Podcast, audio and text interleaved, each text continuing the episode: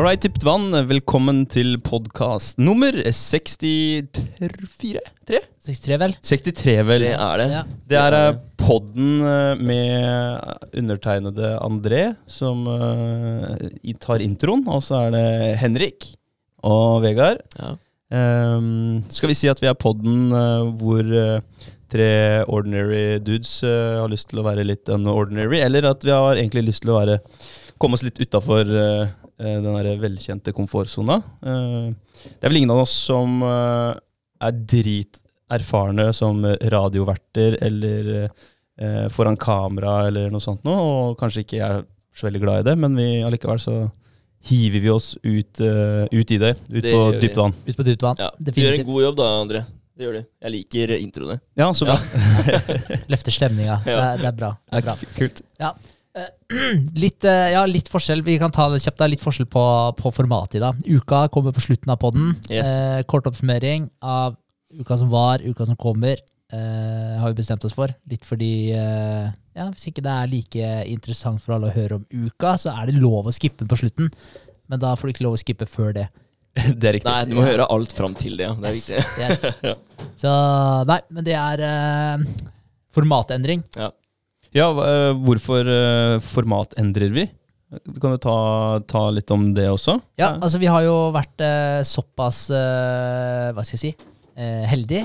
Eh, hatt litt eh, flaks. Reacha ut på en gruppe, få litt hjelp med litt promotering osv. Eh, Ja. Reacha ut på en gruppe og traff da ei eh, som heter Hania. Og spurte hun egentlig, for hun søkte litt erfaring innenfor eh, eh, markedsføring. Det virka som hun trengte noen prosjekter. Så tenkte vi egentlig at det her kanskje kunne være en god match. Reacha ut der, og det har blitt full klaff. Ja, Hun traff på alle våre punkter. og Det virker som om eh, vi eh, er innafor på hennes, eh, hennes søk også. Mm. Um, Så det er kult. Og nå, det vil jo si at vi, vi gønner på litt med å ja, promotere podden. Det har vi ikke gjort. Vi har ikke vært så flinke. Vi har tatt det når vi har hatt gjester. Ja. Um, så nå skal hun hjelpe oss med det, og da, da kan vi jo si det med en gang. Da. Følg oss på Instagram for de som har Instagram. Ja, Dyptvann podkast. Instagram. Med Yes. C, Ja. med C, ikke Ja. podkast på norsk. Nei, Det blir bra. Nei. det ser veldig dumt ut. Nei, det blir for weird. Ja. Det blir for weird for oss. For det er det et ord i ordboka? Podcast med K? Det er jeg veldig usikker på. Oh, nei, det vet jeg ikke. Nei. Nei. Men- Men også, også er det jo litt kult da, å prøve en ny eh, struktur. Det er det jo. Og Jeg tenker at det, eh, det er morsomt å se Det kan godt hende vi endrer på det igjen nå. Det må vi nesten bare Vi må følge med, da. Og Ja. se, se hva som skjer med videoene framover. Åssen det her faktisk eh, fungerer, og hva som passer oss best. Definitivt. Ja. Og så, ja. Og da får vi jo ja, teste oss litt fram, og så får vi Altså, veien blir litt til som man går. Ja. Ja, Så vi gjør det beste ut av det. Du har godt gått eh, inne på noe, da, Vegard. Fordi bare for å ta det veldig kjapt òg. Vi skal ikke snakke så lenge om det, men eh, det her med at eh, det kommer til å fluktuere litt, og det kommer til å endre seg litt, det er jo det er en del av verden, en del av business, en del av uh, livet. Uh, og, og vi har jo um, Når vi har tenkt på det greiene her, da, så har vi jo måttet lage litt på ordre fra hun, uh, hun Hanja, at vi, eh, vi har lagd en sånn eh, lean canvas. Og det er også en som kan eh, endre seg litt, som er dynamisk, som alltid Yes. er i endring. En, eh, en liten eh, forretningsmodell da, for Dyptvann-podkast. Det var litt eh, spesielt, for vi har egentlig kjørt podden eh, litt på sånn Ja, vi kjører den sånn som vi vil, vi styrer eh, episodene akkurat sånn som vi ønsker. Det er møtene våre. Det er, er egentlig mest for oss, også for de som ønsker dra nytte av den biten de trenger. Nå må vi prøve å, å fokusere litt mer på den derre Ok, hva er det de, de som faktisk vier tid til podden, eh, mest har lyst på, da? Eller hva er det de ønsker at vi, vi formidler? Så det er en litt annen måte å, å tenke på. Definitivt. Eh, men det er kult å gå inn og, og egentlig eh, Hva skal jeg si? at Du går litt inn i inn i deg sjøl og inn i, inn i podden og strukturen, og eh, finner den why-en som man har snakka om Ja, altså, hele tiden. det er det. Og det, ja, men det, det gjør det litt klarere også i forhold til uh, type ja, tematikk, hva man burde ha fokus på. Uh, vi har jo mye fokus på uh, designgigsa våre, eller altså businessen vår egentlig i hverdagen. da, Det vi prøver å få til på sida. Vi har veldig mye fokus på det der. Så man må kanskje rette fokuset enda litt mer på de utfordringene som vi har hatt, og litt mer den personlige utviklingsbiten. og Ikke, ikke helt superkonkret på akkurat de businessrelaterte tinga, Ja. men heller ta litt mer de overlappende segmentene. Det er sant, også. Hva er det som må til da, for å få til forskjellige ting? Og hva er det for noe? Hvilke endringer kan man gjøre med seg sjøl for å komme dit man vil? Mm. Ja. Ja, og det er litt, eh, ja, det er litt viktig, for det starter uansett hva du har lyst til å holde på med, så starter det faktisk med deg sjøl. Du må være villig til å, til å endre deg, forbedre deg. Du kan ikke eh, Kan jeg ha sagt den her òg? Jeg gjentar meg sikkert innimellom, men det får bare gå. Eh, Ja, ja. Er det gode poenger, så, så er det lov å gjenta dem. Ja, ja. Selvfølgelig. Det er Eh, klart. men det er sånn eh, alle som eh, driver og bitcher på ah, men det får ikke jeg betalt for, så gidder jeg ikke å gjøre.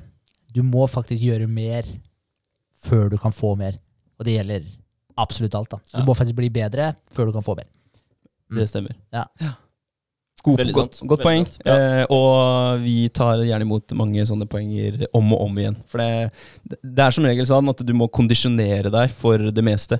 Eh, ting skjer ikke etter én Altså Du blir ikke sterk, sterk etter én rep med, med markløft eller knebøy. Du Nei. må gjøre det ofte. Så jeg setter veldig stor pris på Og det har jeg sagt mange ganger. Eh, og det handler om at jeg oppriktig mener det. Jeg er takknemlig for podden. Fordi at vi nettopp gjør det her, da. Repeterer og repeterer. repeterer.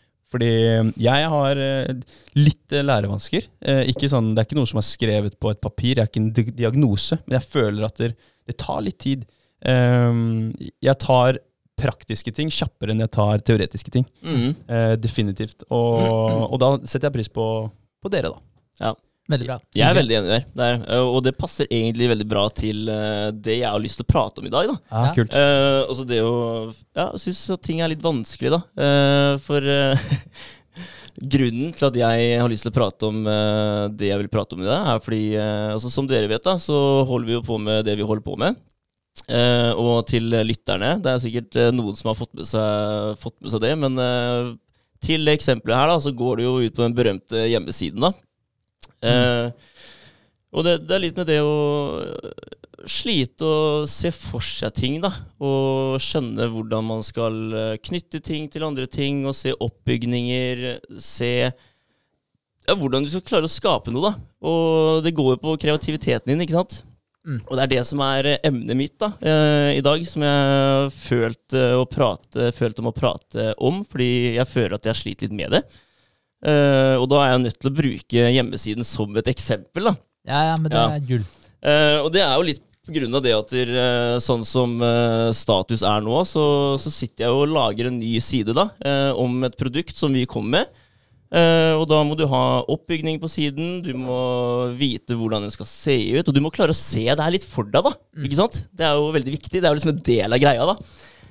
Og det sliter jeg litt med.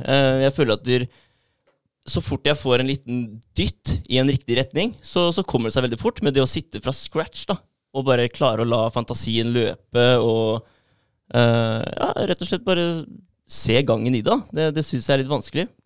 For det er veldig mye du må ta hensyn til. altså Hvordan skal oppbyggingen være? Hvordan skal du klare å fange oppmerksomheten til andre? Uh, du har jo et budskap som du vil få ut her, ikke sant? Uh, og det er liksom hvordan skal du klare å få en person da, til å gå inn på en side som ser bra ut? Du skal få personen til å faktisk ville bli på den siden. Da. Han skal ikke bare gå inn og se og nei, det var ikke noe spesielt, så han går ut igjen. Du må fange oppmerksomheten hans, da, og eh, gjennom det budskapet du har på siden, da, som du får den personen til å skjønne at du, ok, det produktet de folka her faktisk eh, tilbyr, da, det er, det er noe som kan eh, løse et problem for meg. da. Mm. Og du må se det veldig fort. Mm. Det er ikke sånn at du må drive og granske den siden her for å skjønne det. ikke sant? Du må, du må være veldig frembydende da, og bare nesten slå deg i trynet. ikke sant? Ja, ja. Ja. Men det er ganske, ganske rått, egentlig, fordi du og vi da begir oss ut på mange ting som det kreves eh, eh, egentlig eh, utdanninger til. Altså, Ja. det, er, det er en grunn til at det her også er en utdanning. Ja, ja, for det er jo egne bygge- fagfelt der. Ja, Ja. bygge nettsider. Så det er mye av det vi driver med, Ja. er det en utdanning for. Um, og det er jo det er jo både skremmende og litt kult, for, å, for å si det sånn. Og jeg, jeg syns du har vært eh, Du har jo vært eksepsjonell opp igjennom. da. Du har gått fra å ikke hatt en laptop til å nå sitte og designe hjemmesider. Ja, det er en imponerende Progress. Ja, ja, definitivt. definitivt. Men det er litt der den kreativiteten kommer inn. da, for det er det tekniske begynner å bli lett, ikke sant? men det å se for seg hvordan ting skal være, og den biten der, da, den er fortsatt vanskelig. Mm. Det er det. Men fordi jeg sliter med det her, da, Eh, så tenkte jeg at eh, ok, eh, kreativitet, kreativiteten min den suger jo faktisk. så jeg gikk inn og bare søkte litt på, på nettet, da. Eh, så jeg tenkte egentlig bare også, hva er kreativitet? da? Vi kan bare ta den først, bare for å bli ferdig med det. Ja, Kan vi gjette på det først, eller? Ja, gjør Ja, har du, har du gjett, gjett, André? Om jeg er gjettbar? Ja, er du gjettbar? Har du, har du, har du en gjett? Jeg har en gjett. Eh, det må være Altså det er, Man hører jo om to forskjellige halvdeler av hjernen. Det er en som er den kreative delen, og så er det en som er den mer eh, eh, eller teoretiske delen. da, Ja. Som er mer Hva skal jeg kalle det? Science-based eller teoretisk. Mm. Men det, kreativitet Jeg tror Det er sikkert ti, definisjoner, ti pluss definisjoner på kreativitet. Ja, det Eh, tror jeg òg. jeg tror det er eh, framgang, eh, og det er eh, utførelse. Det er eh, vilje til å gjennomføre noe, eh, og hvordan man gjennomfører noe, og på hvor mange måter man kan gjennomføre noe, vil jeg tippa, da. Eh, Ja, jeg tenker jo uh, umiddelbart kreativitet. Altså Når jeg, jeg tenker på noen som er kreative, så tenker jeg på noen som er enten at de er kunstnere på en eller annen måte, at de maler, tegner, eller uh, synger, eksempel. Ja. Uh, bare at de lager egne låter. Ja. Så jeg ser for meg at det er noe som uh, kommer fra deg sjøl, som er annerledes enn det som er der ute i dag. Ja. Fordi ja, alltid når du ser på en, en kreativ person, så er det jo noen som gjør et eller annet som ikke alle andre gjør, som har kommet fra dem selv, da, som de på en måte har funnet på. Eh, funnet opp, eller, eller hvordan skal si det, har sin egen vri på.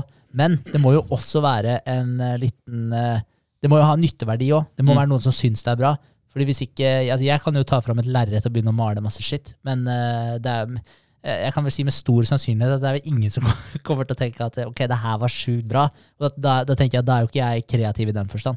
Men hadde jeg malt bra ting, enten om det var sykt spasa, men det traff noen, mm. da, da er det et kreativt element til det. Men Mm. du kan ikke bare male piss på et lerret, og så er du uh, kreativ. Ja, det er noen som kan det. Ja, Ja, faktisk. Ja, ja, Ja, men jeg tenker også, også det med å, å skape noe, fordi det ligger jo i ordet 'create'. Så det er noe Ja. du faktisk lager, Ja. og det kommer, kommer fra, fra deg, da. Ja. Eh, kanskje er en del av identiteten din, eller så er det noen som bare Sånn som i dagens eh, digitale samfunn, så er det jo mange som jeg tror ikke maler eller lager eller skaper fra sjela si. Det bare finner på noe piss, fordi man kan tjene sinnssyke penger på noe som heter non-fungible tokens. Ja.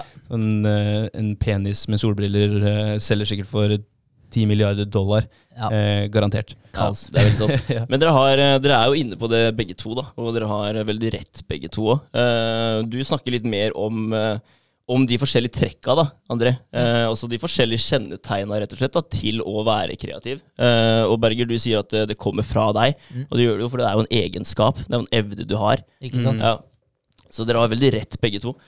Um, altså, kreativitet det er jo en evne, da. Det er en uh, skaperegenskap. Mm. Det er det. Så det vil jo si at du er oppfinnsom. Uh, du har mange ideer, og det faller deg veldig lett da, å lage uh, eller finne på noe nytt. Ja. Ja. ja, for det, det er jo det å det skal komme lett. Yes. Ja, det det er en naturlig greie ved det. Ja. Og det er jo det som er, da, fordi det her er jo noe som er eh, medfødt for veldig mange. Men det kan også læres da, og trenes opp. Eh, og det er jo veldig positivt, da, i mitt tilfelle. Ja, det er jo det er positivt for alle sammen. da. Yes. Det er det, for du kan bare bli bedre, ikke sant? Godt poeng. Ja. Eh, så mens jeg var eh, inne på internett da, og søkte rundt, så fant jeg en liten studie på forskning.no. Faktisk en norsk eh, studie. Det tror jeg ikke vi har hatt på poden eh, før. En norsk studie? Ja, Nei. Litt usikker på det. Ja.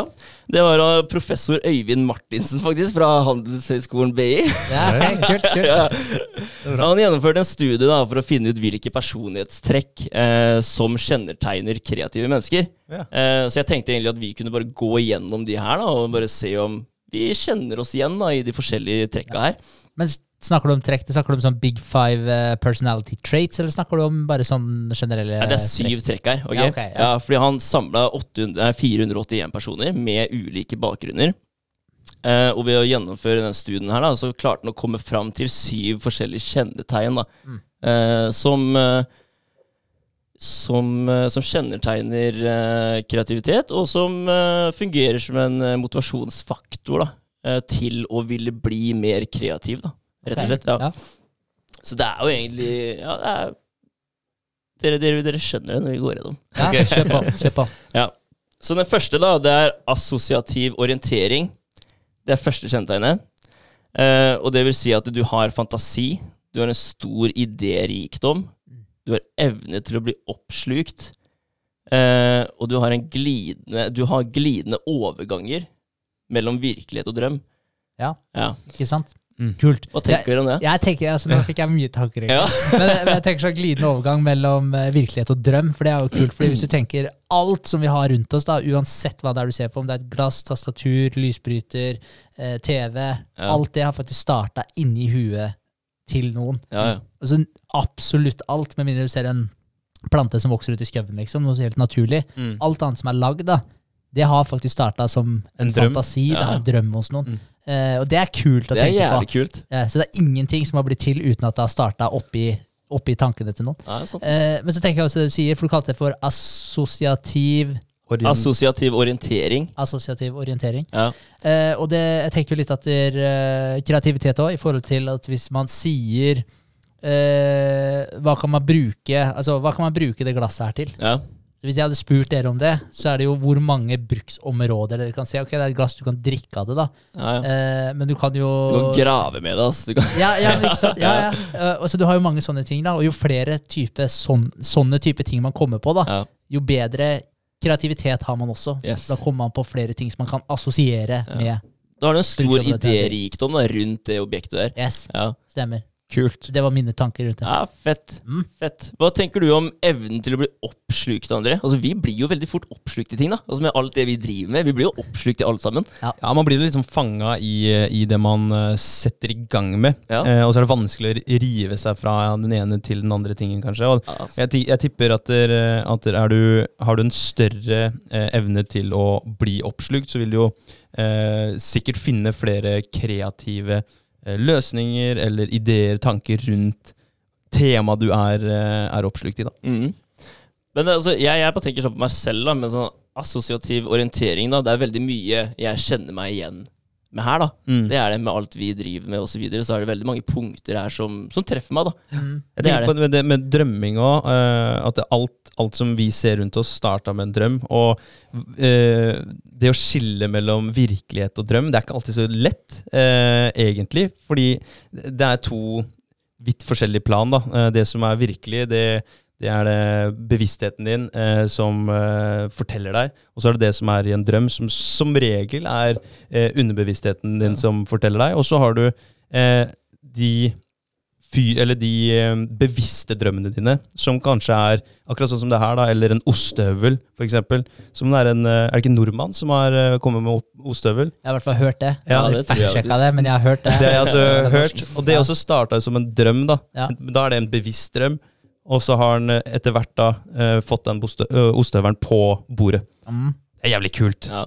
Det er fett. Men du har, altså, nå, nå sporer jeg litt av, da, Ja. men uh, litt mer i Ja, de drømmene. Ja, fordi uh, han uh, Carl Jung, uh, sånn superintelligent psykolog eh, Nå er det en stund siden han gikk bort, da. Men han lærte seg jo faktisk å drømme i våken tilstand. Mm. Så han øvde seriøst på de greiene der. Altså, han fyren her er sjukt fascinerende. Han burde egentlig ha mye mer om uh, senere. Men han hadde sånn typ sånn, eh, jeg vet ikke, 180 IQ eller noe sånt. da. Og, og var helt sjukt belest på alt som hadde med symbolikk og sånn å gjøre. Ja. Og, og han merka, eller ofte, da, i at det drømmer og virkeligheten at, de er, at det er veldig tett korrelert, da, Ja. men at det er i, i symbolform. Så, så han eh, satt faktisk og, og øvde seg på å drømme i våken tilstand. Ja, men Så, tenk, tenk når vi er barn, da. Altså, da- da er det ikke noe forskjell mellom drømmer og virkelighet. Altså. Da, da, da, vet du faktisk ikke hva som er forskjell. Det tar jo tid før du begynner å skjønne hva som er drøm, hva som er virkelighet. Ja, Det det, det er noe du må lære deg. Ja, Da har du vel også oftere sånne dagdrømmer òg. Det er ikke så ofte man har det som en voksen person, egentlig. det er veldig sant. Og Eh. de som fortsatt på en måte har såpass mye fantasi og driver og prater med seg sjøl når de er 40, de blir sett rart på. Mm. Ja, ja. Eh, så, det, så det må du bare venne deg. Stigmatisere. Faen, altså, slutt med det der. De er bare i tråd med drømmene sine. ok? Neida, men, eh, men eh, jeg tror jo det er litt viktig òg å ikke Ja, for det er sånn, ok, når du er barn, så er du veldig Drøm og virkelighet det er veldig tett på hverandre. Hverandre. Ja. Skillet er ikke så stort. Uh, og så går tida, og så blir det skillet større og større. Men jeg tror faktisk det er viktig å få det litt tilbake igjen. Ja. Og bare for å, hvis jeg klarer å sitere, for der tror jeg faktisk Carl Jung hadde en, eh, en eh, Hva heter det for noe? Et lite, Quote. liten quote på. Ja. Uh, nå blir det en paraphrase, da, for jeg husker ikke nøyaktig hva det var. Men det var basically når du er barn, uh, eller når du blir voksen, så må du lære deg å faen, jeg slakter den her, altså. Ja, det var typisk sånn at når du skulle vokse opp, da, så måtte du lære deg å bli voksen og basically oppføre deg. Men når du har blitt voksen, så må du lære deg å bli barn igjen. Mm. Ja, ikke sant. Fordi det er på en måte sånn du Hva skal jeg si? Eh, Ja, Men du, du, aldri, du blir jo aldri voksen før du innrømmer at du, du er et barn. Nei. Er det ikke noe sånt, da? Eller at du, For du innrømmer hvor barnslig du er, eller et eller annet? Det Et, jo, et eller ja, annet. Du må det komme i sånn touch med, ja. Ja. touch med kiden i deg igjen. Da. Ja. Det var det han egentlig sa. Da, at liksom, så det er på en måte litt, eh, litt hemmeligheten til eh, det Litt hemmeligheten til ja, Ikke til livet, da, men altså, dere, skjønner, dere skjønner hva jeg mener. Ja, men det er sånn, eh, der fucker jo samfunnet bra opp, da. For de vil jo lære oss til å drømme mindre og bli fort voksne. Ja, ja. Ja. Så Bli en del av massen. Ja. Veldig, ikke sant? Betale skattepengene fortest mulig. Yes. Ja. Arbeide. Da skal jeg quote uh, Joe Rogan. Jeg Ja. tror han har sagt eh, at vi alle er eh, voksne babyer. Ja. Det syns jeg er jævlig bra. Ja, Det synes jeg er jævlig bra, fordi det er jo fact. Det er Vi har, sant. vi har alle, alle kommet fra et sted, eh, samme sted, og vært på det samme nivået, og så har vi bare vokst derifra. Vi er alle grown babies. Det er veldig godt poeng. Og det er, det er så lættis. alltid sånn når du har gått på barneskolen og sånn, da, så ser du liksom når du kommer i første klasse, så er det sånn du får hva er det, du får sånn derre fadder i tredje eller fjerde klasse eller noe. Fjerde.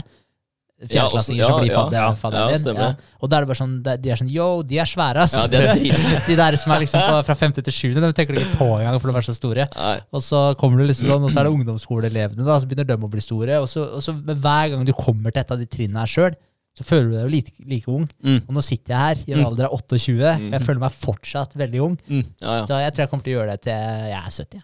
Ja, Ja, det tror jeg òg. Men det er det veldig mange som sier. da At de, de tror at når du blir eh, 20, så er, så er liksom ungdomstida over. da Når du blir 30, så er ungdomstida over. Når du blir 40, så er det i hvert fall over. Ikke sant? Men de Ja. føler seg fortsatt like unge og klare for å gønne på da når du er 40. Ikke sant? Ikke sant? Ja. Ja. Blir Så det er litt kult. bare. Ja, ja. Ja. Gjør det. Ok, neste. Eh, det er eh, behov for originalitet. Mm. Det vil si at de, de gjør motstand mot regler og retningslinjer. Eh, og når jeg leste den, da, jeg vil ta den først eh, Gjør motstand mot regler og retningslinjer. Det første som bare falt inn i huet mitt, da det var jo faktisk han der Ted Kaczynski fra Unipalm Bros. Når, Ja. ja, når han fikk meg til å bare forstå det med trafikklys. ass. Når du står der, det er rødt lys, det er ikke én jævla bil i nærheten, ikke sant? og du står fortsatt og venter på at det skal bli grønt. da. Det er så skada. Og, og da jeg har blitt en motstander da, for den regelen. der. ja, jeg sier den. Men, men du føler deg altså det, det føles jo helt meningsløst Ja, ja. Det Nå, det lyskrysset i Halden sentrum her, det har jo aldri fungert bedre enn når lysa faktisk ikke fungerte. Så det har jo vært mer effektivt. Men uh, jeg, jeg skjønner jo, altså jeg, for jeg er jo liksom uh, en fot i begge leirer. Jeg, selvfølgelig må man ha lover og regler uh, for å styre opp ting, men så er det de gangene hvor det ja, overhodet ikke er mening, da, når du sitter to minutter og sitter og venter på et rødt lys, og det ikke er noen der. Da føles det litt meningsløst ut at ikke du kan ta en beslutning, en individuell beslutning på at du, her kan jeg faktisk kjøre, for nå er det trygt. Ja, ja, men altså, det, det burde være helt greit. Det, det skjønner jeg ikke. Det, er, det burde være innafor, liksom. Altså, du, jeg vet ikke hva som skjer. Hvis du faktisk gjør det, blir du tatt da? Kjøpe rødt? Ja, Ja, ja men selv om det det. ikke er sånn Ja, men du, det var jo absolutt ikke biler. Er det sånn Nei, det går bra, liksom? Eller er det Nei, det tror jeg ikke. Altså. Jeg, jeg tipper det har noe med hvilken politibetjent du treffer på, men jeg tror de fleste hadde nok sikkert eh, vært litt eh, rigide der. Men det er det som er problemet ofte med, med lovgivning og regulering generelt. Du er nødt til å ta med deg alle ja, ja. og alle tilfeller for å klare å styre det opp. Ellers er det klin umulig å holde kontroll på det. Håndheve loven, er det ikke de sier? At du må gjøre det. For hvis, du, hvis noen får lov, så skal jo alle få lov. ja. Altså, jeg kunne ikke vært politi, vet du. Du, det går bra. Vegard, du har eh, ingen arrestasjoner? du? Ja, bra. Eh, Vi har ett punkt til, og under eh, behov for originalitet. Og det er at man har en rebellaktig innstilling gjennom et behov for å gjøre noe ingen andre gjør. Mm. Og vi er jo litt der, da. Ja. Ja. ja. Altså, jeg vet ikke om vi er så rebelle rundt det, liksom, men uh, vi er jo glade i å gjøre ting som eh, folk flest ikke gjør. da. Ja. Men det er en, uh, uansett hvordan man vrir og vender på det, ikke at jeg føler meg som en rebell, men uh, det er jo en, en hva skal jeg si, et rebelliøst preg med det å gjøre det, fordi du, Ja. du bryter jo ut av av i anførselstegn, no offense til noen, men liksom saueflokken. da. Mm. Der hvor alle sammen er, det er helt trygt. Den homogene gruppa. Ja. Og så stikker man ut huet sitt, så gjør man noe helt annet. Det er jo, Selv om man ikke assosierer seg med en rebell, så er det jo på en måte en litt sånn rebell, rebelliøs handling, Mm. vil jeg jo si. Det er det. Det er det. Og så det med originalitet òg, å være Det er jo på godt og vondt. Du har, alle- alle har vel hørt om byoriginaler. Ja. Og det er jo, det er jo spesielle folk. Så, og det, er også, det bryter jo med normen ut av saueflokken. Det er jo folk som skiller seg veldig ut. Det er veldig sant. Uh, men jeg vet ikke om de er så mye Er de kreative for det? Uh, litt sånn Det er godt spørsmål. Mange av dem er vel kanskje ikke sånn kreative i form av at de gjør mye og skaper mye, men de har kreative u utseender eh, ofte. og, kreativ Det vel, ja, kanskje en, atferd. kanskje litt innstilling at de bare Kreativ atferd. Det er bra. Ja. De bryr seg i hvert fall ikke da, om hva folk mener. Ja. Det, det gjør de ikke. Nei. Ehm, ja, greit. Eh, vi kjører videre. Uh, tredje punkt der, det er eh, motivasjon. Uh, og det er at vi har eh, prestasjonsbehov. Man er målretta. og har utholdenhet ved vanskelige problemstillinger. Ja. Ok, så det går på, det går på kreativitet, altså? Ja. Mm. Så det er, det er flere kjennetegn her da, som bygger under det å være kreativ. Ja. Men jeg, jeg føler jo nesten at du må vel tikke av flere av de boksene her, eller? For å på en måte være kreativ. Fordi hvis du bare er på siste, eller siste punktet der, da. Altså Alle de punktene her er jo Ja. kjennetegn, da, men det er noen her som, som skiller seg ut. da Ja. Det er liksom to punkter her som er liksom hovedpunktene, da mens Mm. uh, de andre er litt mer den motivasjonsfaktoren og litt mer den følelsesmessige grunnene til å bli uh, kreativ. da Ja. Til å lede deg den veien, liksom. Hvis jeg, hvis jeg ser for meg eller tenker på en kreativ eh, person, så, så sånn fram til nå, da, så ser jeg for meg en som tikker av alle boksene så langt. Eh, det gjør jeg. Men eh, det, er klart, noen av dem kan også være sterkere enn andre. Ja. Hvis du ser for deg um, Bare ta et eksempel. Kygo, da. Mm. Han er jo en kreativ fyr. Lager mye kul musikk. Han, har jo, han, har jo, han er jo målbevisst, og han har motivasjon. For han sitter jo flere titalls timer hver dag og eh, ofte da, Ja. og lager musikk. Mm. Og han er jo en original i form av at han eh, lager sin egen eh, greie, har et eget uh, varemerke, eget uh, navn, egen stil på musikken. Og han, har, han kan jo assosiere musikken sin med andre artister, for han har jo samarbeid med da Um, Første jeg kom på, X-Ambassadors. Eh, Ja. Da har han en fet låt sammen med, med, med de. Uh, så, så bare et eksempel. Mm. Det tikker opp uh, alle de boksene her så langt, i hvert fall, på Ja, ja. en sann person. Men, men han går jo også under kunstnerkategorien, da. ikke sant? Og han tok jo en studie her med folk som har veldig mange forskjellige bakgrunner. Og det er jo ingen som er like kreative. Du har jo en kreativ kunstner, og du har en kreativ uh, person innen markedsføring, da, og du har en kreativ leder. ikke sant? Og det er, det er veldig mye forskjellig, da. Ja. Ja, så det, det, det er ikke sånn at du må ha alle de kjennetegna her, men at eh, Ja. det er kjennetegn som passer bedre for forskjellige kategorier. da. Ja. Ja. Jeg tipper Altså, vi kan falle under noen av de, men Mm. kanskje ikke alle. Jeg kjenner jo igjen oss i noen av de allerede. Ja, det er jo. Eh, For det er jo vi, vi er motivert og har kondisjonen, og vi er jo stikker oss litt ut av saueflokken, som Henrik sier. Og, så det er kult. Jeg gleder meg til de neste du kommer med. Ja, men det en eh, liten kommentar også, da, til det Ja. der med stå-på-vilje. jeg hørte på Det var Jordan Peterson som snakka en gang om dette med kreative folk. Ja. Og, og snakka om liksom litt sånn forbannelsen også, ved å være en eh, superkreativ person.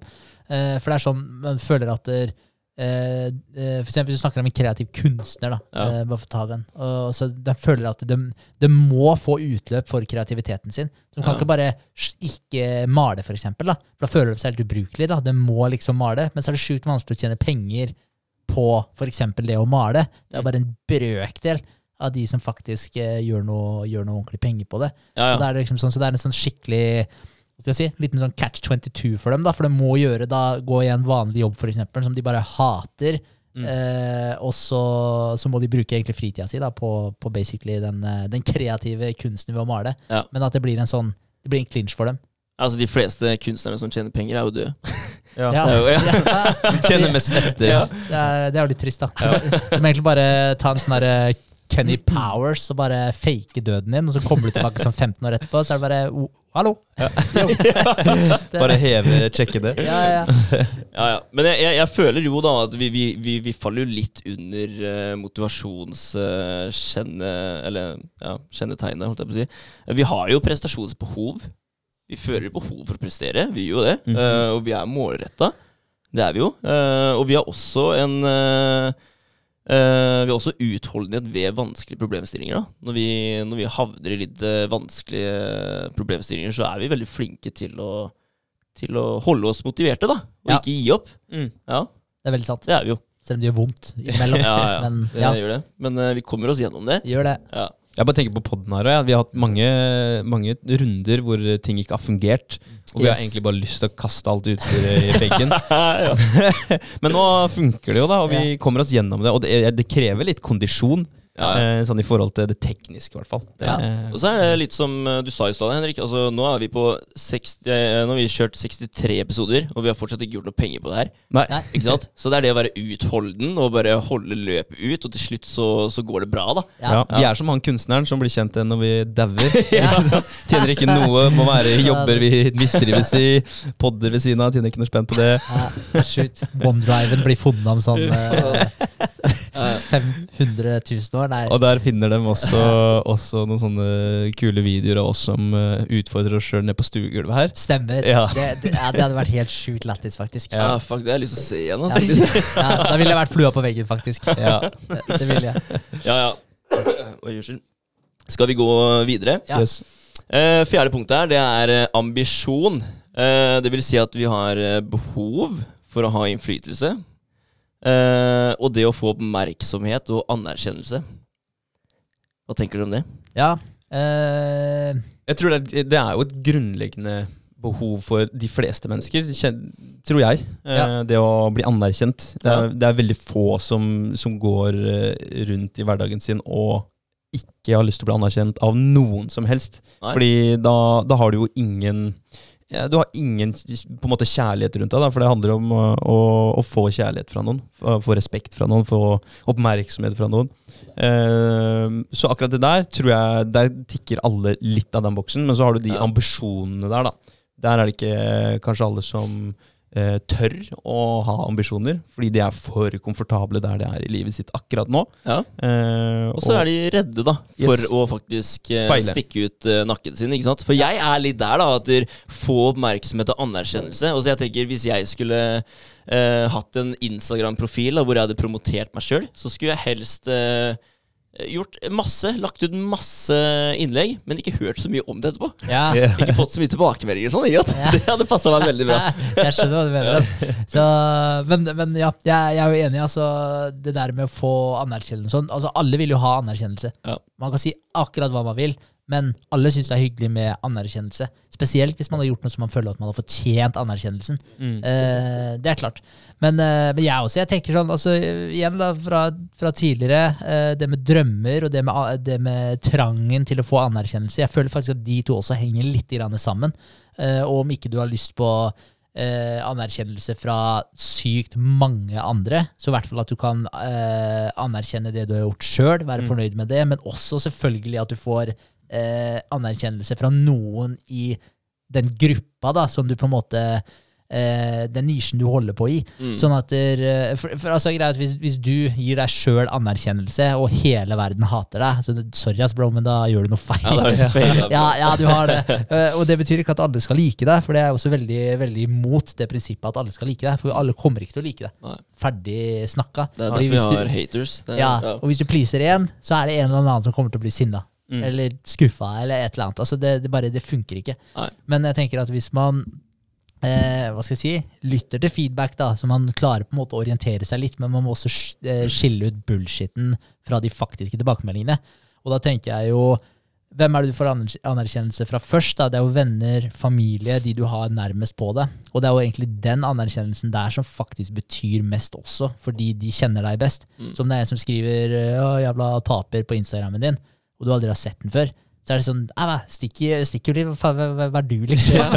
Du, kom man, ja, ja, man blir jo hva jeg har gjort deg, liksom. Man blir jo litt sånn, men, eh, men eh, samtidig så, er det, så må man faktisk tenke at ok, hvor, hvor godt kjenner den personen her det? Mm. Skal den personen her hvor, hvor mye skal meninga til den personen telles da, i forhold til de meningene til de som du faktisk kjenner deg? Det hadde vært verre hvis mammaen din hadde skrevet ah, 'jævla taper' på Instagrammen din. Ja, det var jævlig weird, men, men ja, det hadde jo det. Men jeg tror det også det henger sammen eh, eh, i størrelse eller i mengde. Altså hvis du Jo større drømmer du har, og jo større drømmer du tør å drømme, jo mer anerkjennelse eh, krever du tilbake, eller har du lyst på tilbake. Ja. Jeg føler egentlig at det, det henger litt sammen. Altså Jo mer, mer du gjør, da, jo mer du stikker deg ut, eh, jo mer avhengig er du av at noen sier noe bra om det. For hvis ingen eh, gir deg noe tilbakemelding, så er det jo Da er det kanskje bortkasta, det du driver med. Eller du Ja. føler kanskje at du ikke får noe, ja, får noe igjen for det. Ja, men det er forskjellige typer eh, anerkjennelse. Altså Du kan få anerkjennelse gjennom tilbakemelding fra andre, men du kan også få anerkjennelse av at du, uh, Si podden, da. Den begynner å gå bra. Vi begynner å gjøre penger på det her. Det er en Mm. anerkjennelse. Mm, Og da kanskje noen føler at det er et større behov da, å se at du, ok, vi får det faktisk til, enn å få gode tilbakemeldinger fra andre. Ja, Mm. ja det, er, det er veldig veldig godt poeng. Det Ja. Du kan få anerkjennelse fra flere steder. Ja. Men jeg tror det er veldig viktig altså, å ikke søke anerkjennelse som sagt hos randoms. Som, Mm. som, ikke, som ikke har noe betydning sånn sett i livet ditt, og Ja. ikke kjenner deg noe godt. Det, for det tror jeg fort kan gå veldig galt. Og da, da søker man jo mye bekreftelse ut av det også. Men eh, det er jo basically det eh, nye yrket som har kommet i moderne tid. Eh, Influensere handler om. Ja, Det er jo egentlig det. det er Ja. det. Å søke anerkjennelse er hos veldig sant. Ja, det er jo ja. det er jo litt spe spesielt, da. Ja. At det er yrket ditt. Ja, ja, det er faen meg sant. Altså. Ja. Jeg skal ikke bli en eh, blogger-influenser. Aldri si aldri, Vegard.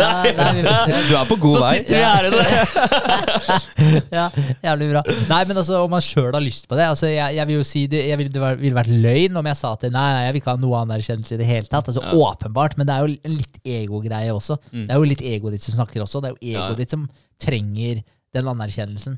Eh, I hvert fall for det meste. da Mm. Men du trenger jo noe du også for å vite litt at du orienterer deg. da Vite Ja, at du er på litt riktig vei. Men det er nok Så- uh, Unnskyld. Nei, nei så Ja. jeg skulle bare si at det, det går jo litt begge veier. Men jeg tror det, det ville vært en løgn om noen sa at de ikke var ute etter noe anerkjennelse. Mm. Ja, jeg tenker at det, det er veldig lett å si at du ikke vil få anerkjennelse, fordi du er redd for det negative. da. Mm. Du er redd for de negative tilbakemeldingene. Eh, alt det positive, altså Hvis det bare hadde vært positivt, så ville alle fått det. Ja. ja Det hadde boosta opp i himmelen. ikke sant? Mm. Så det Nei, jeg tror eh, mange som sier at Altså meg inkludert, da, som jeg har akkurat sagt det, at jeg helst ikke skulle fått så mye anerkjennelse. Jeg skulle bare posta mye greier og ikke hørt så mye tilbake, da. Ja, Men du ville sett hvor mange likes du hadde fått på, på, på posten din. Yes, Mm. det ville jeg sett. Mm. Og jeg ville fått alle de positive, men de negative kunne jeg, klarer jeg meg fint uten. Så det er jo, ja, det er jo redsel, da, rett og slett. Jeg, Ja, jeg, tror, jeg tror det er en, eh, det er en skill man, eh, man lærer seg, tror jeg. Ja. Eh, fordi jeg tror det er ingen som har lyst til å ha de negative. Det er ingen som liker å bli kritisert eh, av ukjente. Det vil jeg tro, da. Det er sikkert en eller annen sjuk jævel der ute som syns det er digg å få en uh, negativ feedback fra noen. Ja da, noen syns det. Noen syns det. Noen syns sikkert det. Ja, jeg tror Sånn er Sado-miljø, eh, Ja. sikkert. Eh, BDSM-miljø. Ja. Uh, kall meg en skitten hore eller et eller annet sånt. Ja, ja. Bare, ok. Men uh, po poenget mitt er at jeg tror de fleste, hvis du tenker 99,2% av verdens befolkning, de vil ha en eller annen form for anerkjennelse. Også blant anerkjennelse så får du en negativ en eh, av eh, x antall ganger. Så det må du bare håndtere. Og så er det en, eh, en eller annen form for egenskap man, eh, man tilegner seg. Da. Jeg tror, tror ikke det hadde vært eh, kjendiser. Eh, det hadde ikke vært eksistert hvis ikke folk hadde lært seg å deale med det. Eh, fordi det må man bare. Det er, du er ikke for alle. Eh, ikke du heller. Ikke jeg. Og du ser jo hvor mange kjendiser det faktisk går galt med òg, og det er jo mye pga. press og ja, sikkert mye negativ PR og det ene og det andre. Ja. Mm. Eh, ja. og, og kjendisskap i, i eh, ung alder nå om dagen. da. Ja. Du har uh, veldig unge uh, ja, influensere, da, for å ta det igjen. Eh, du har jo sånn 12-13 år gamle jenter på Instagram med mange millioner følgere. ikke sant? ja, det er vel sjukt. Det Da er jo helt sjukt. Da begynner du ganske Ja. tidlig, og da er, det begynner, da, er det press veldig tidlig. Og så kommer du inn i et eller annet miljø, og så er det jo Ja, det ene fører til det andre. Ja. Men, men det jeg tror er ekstremt viktig da, i forhold til øh, øh, å holde seg litt sane, da, og det, det er å faktisk gjøre det beste du kan. Altså de sk- eh, skape gode rutiner eh, når du setter deg et mål. Og det trenger ikke å være all verdens, da, vi har snakka om det før òg. Sett eh, eh, gradvis mål, så du hele tiden kan bygge videre på det. De challengene vi driver med, det er jo en førsteklasses eh, eksempel på det. Eh, men, men det jeg tror er at det er veldig viktig å gjøre det, og så konsekvent være flink til å gjøre det du har sagt du skal gjøre. Fordi Ja. hvis noen sier noe negativt til deg da, så så det, det preller av så sykt mye lettere. Fordi du har ikke et snev av skyldfølelse der. Hvis noen hadde sagt det til meg hvis jeg hadde vært strikt med dietten min, jeg hadde vært strikt med treninga, følt meg superbra, liksom, og jeg har følt at jeg var der jeg skulle være, og noen hadde sagt at jeg var fet, liksom, så hadde jeg vært så Hva snakker du om, liksom? Det, det, det er ikke sant, da. Det, det hadde vært såpass falskt, da. At det er sånn, jeg hadde jo ikke brydd meg. Men hvis jeg hadde ikke trent eh, på den perioden der, da, så hadde jeg spist jævlig mye kebab og begynt å legge seg litt på bånd på magen her, og noen hadde sagt at du hadde blitt, eh, blitt fet, ass. Da hadde du følt på det. Da hadde jeg følt på det. helt Ja, da hadde jeg tatt det negativt. Ja. Ja. Så i det ene tilfellet hadde jeg ledd av det, i det andre tilfellet så hadde jeg blitt litt såra. Mm. Så, så det har jo til syvende og sist Hvis man blir såra av noe, da, så er det som oftest at det er en eller annen sannhet der. Ja. Som regel. Og når du følger alle rutinene dine nå, så skaper du jo en bedre rustning for deg sjøl òg. Det er jo det derre slottet man bygger, istedenfor for å ha, ha et uh, falleferdig trehytte mm. som blåser over ende av en liten storm. Det er jo det med å ta vare på seg sjøl og komme seg ut av komfortsona og trene og spise riktig og alt de greiene der. Ja. Ja. Det vil jo, da vil jo sånne ting bare prelle av. Ja. Helt klart. Og hvis du da, da får noe sånn negativ eh, shit da på Instagrammen din, da, som du kaller ja, jævla taper, liksom. Mm. Hvis du føler deg usikker fra før, da, så kan jo faktisk en sånn kommentar eh, gå litt inn på det. Ja, Men hvis du er selvsikker, du er trygg på deg sjøl, du merker at du er på riktig sporet, du er stolt av det du driver med, da vil du mest sannsynlig ikke bry deg så mye. Nei, Nei. det er veldig sant. Det er veldig sant. Ja, så det går an å tenke litt det òg, når man faktisk havner i en sånn setning. Og tenker hvis man reagerer på noe, hvorfor reagerte jeg på det? Ja. Mm. Det er sant. Mm. Og så, det er ikke mye som må til. da. Litt anerkjennelse er eh, nok til å faktisk gjøre en crappy dag eh, jævlig bra. Mm. Det er det. Eh, Lite eksempel på det. Jeg har jobba natthelg den helga her. Eh, siste natta, ut ifra den lista jeg hadde beskrevet foran meg, så skal jeg få en eh, rolig, rolig fin natt. Ikke gjøre så mye ute. Mm. Eh, kommer på jobb, møter uh, soneansvarlig, og alt har blitt snudd på huet. Da var det full prepping til test for at det måtte bare gå i orden. Uh, endte med at vi måtte stå ute hele natta i mange minus. Det føltes i hvert fall sånn. Stå rett ved vannet der det blir kaldt. ass. Det Mm. gjør det. Og er det rive, ja, rive stålarmering ikke sant? og holde på. og ja, du er liksom like ved å bare klikke da, og bare kaste verktøy i bakken og gå derfra. ikke sant? Fordi du, du vil ikke mer, da. Eh, men så får man en telefon da, på morgenen når man er ferdig med alt det her. Du har eh, satt deg ned og er sliten. da. Så får du en telefon, og han er på vei til jobb og lurer på åssen det gikk. Og du sier at du er ferdig, liksom. Du løste det. Og du får liksom eh, ja, 'Jævlig bra jobba', liksom. Takk. Mm. Tusen takk for at du løste det. Og det, det, det hjalp, da. Mm. Du gjorde det. Det gikk fra å være dårlig stemning liksom, til at ja, ok, da var det kanskje greit allikevel. Da. Da, da løste jeg problemet. da. Selv om jeg ikke ville gjøre det. Men jeg tenkte fuck det her. Men, Ja. men ja, det hjalp, da. Og det Ja. var ikke mye som skulle til for å få den crappy natta der til å faktisk ikke være så dårlig når jeg dro hjem, da. Allikevel. Det er bra jobba. Det er bra, for det er, det er som du sier, det er ikke så mye som skal til. Men spørsmålet da, han eh, der eh, gir han ofte komplimenter. Nei. Nei. Nei, nei. Så det, er ikke, det er ikke ofte man får det på jobben. Det er, det, det er noe med det. ja. Og det, men det er litt uh, kult, det òg, fordi uh, hvis man skal anerkjenne noe, det er noe man kan tenke på sjøl også Hvis du alltid sier til Si, si du kommer på jobb, da, og hvis det er noen som skiller seg ut den dagen, som bare kan være en, eh, en kollega, da, kompis, liksom, som bare har kledd på seg skjorta, ser bra ut, da. Og man sier sånn 'Faen, du ser bra ut i dag'. Så er det drithyggelig. Men hvis du går til de ti neste bortover i gangen der og sier til alle ah, 'Du ser bra ut i dag', ah, Mm. 'Du ser bra ut i dag', altså. Ja, ja. Tror du han første der føler seg bra da, eller? Mister Ja, kredibilitet. Yes, det Ja. gjør det. Og det. Ordet ditt betyr ikke noe lenger. Mm. Så, så du bruker det opp. Så derfor er det også litt viktig å, være litt raus eh, Nei, ikke eller være litt nøktern. er Mm. Det heter. Ja. Nøktern med komplimentene sine også. Men gi ut komplimenter, men være sikker på at når du faktisk gir et kompliment, så er det faktisk fordi du mener det. Ja, det er fortjent. Det er fortjent. Det er det. Ja. Nice. Ok, skal vi bevege oss eh, videre? Ja. Ja. Kjør på. Greit. Det er kule Da- punkter, der, så Ja. jeg liker de Ja. Ja, det er bra. Det er bra. Veldig Eh, bra. Bra kompliment. Ja, tusen takk! Gjorde dagen min, ass. Yes. Ja. Eh, nummer fem, det er eh, fleksibilitet. Eh, det vil si at du har evnen til å se ulike sider ved problemstillinger, og kan holde løsningsmulighetene åpne. Ok. Ja. Det handler jo om å være en eh, problem solver. ja. eh, og eh, Ha litt innsikt, da. Ja, i forskjellige ting. Og Ja. kanskje også vite hvem man skal spørre om hjelp. Og at det, det er ikke alltid man skal eh, løse alt sjøl.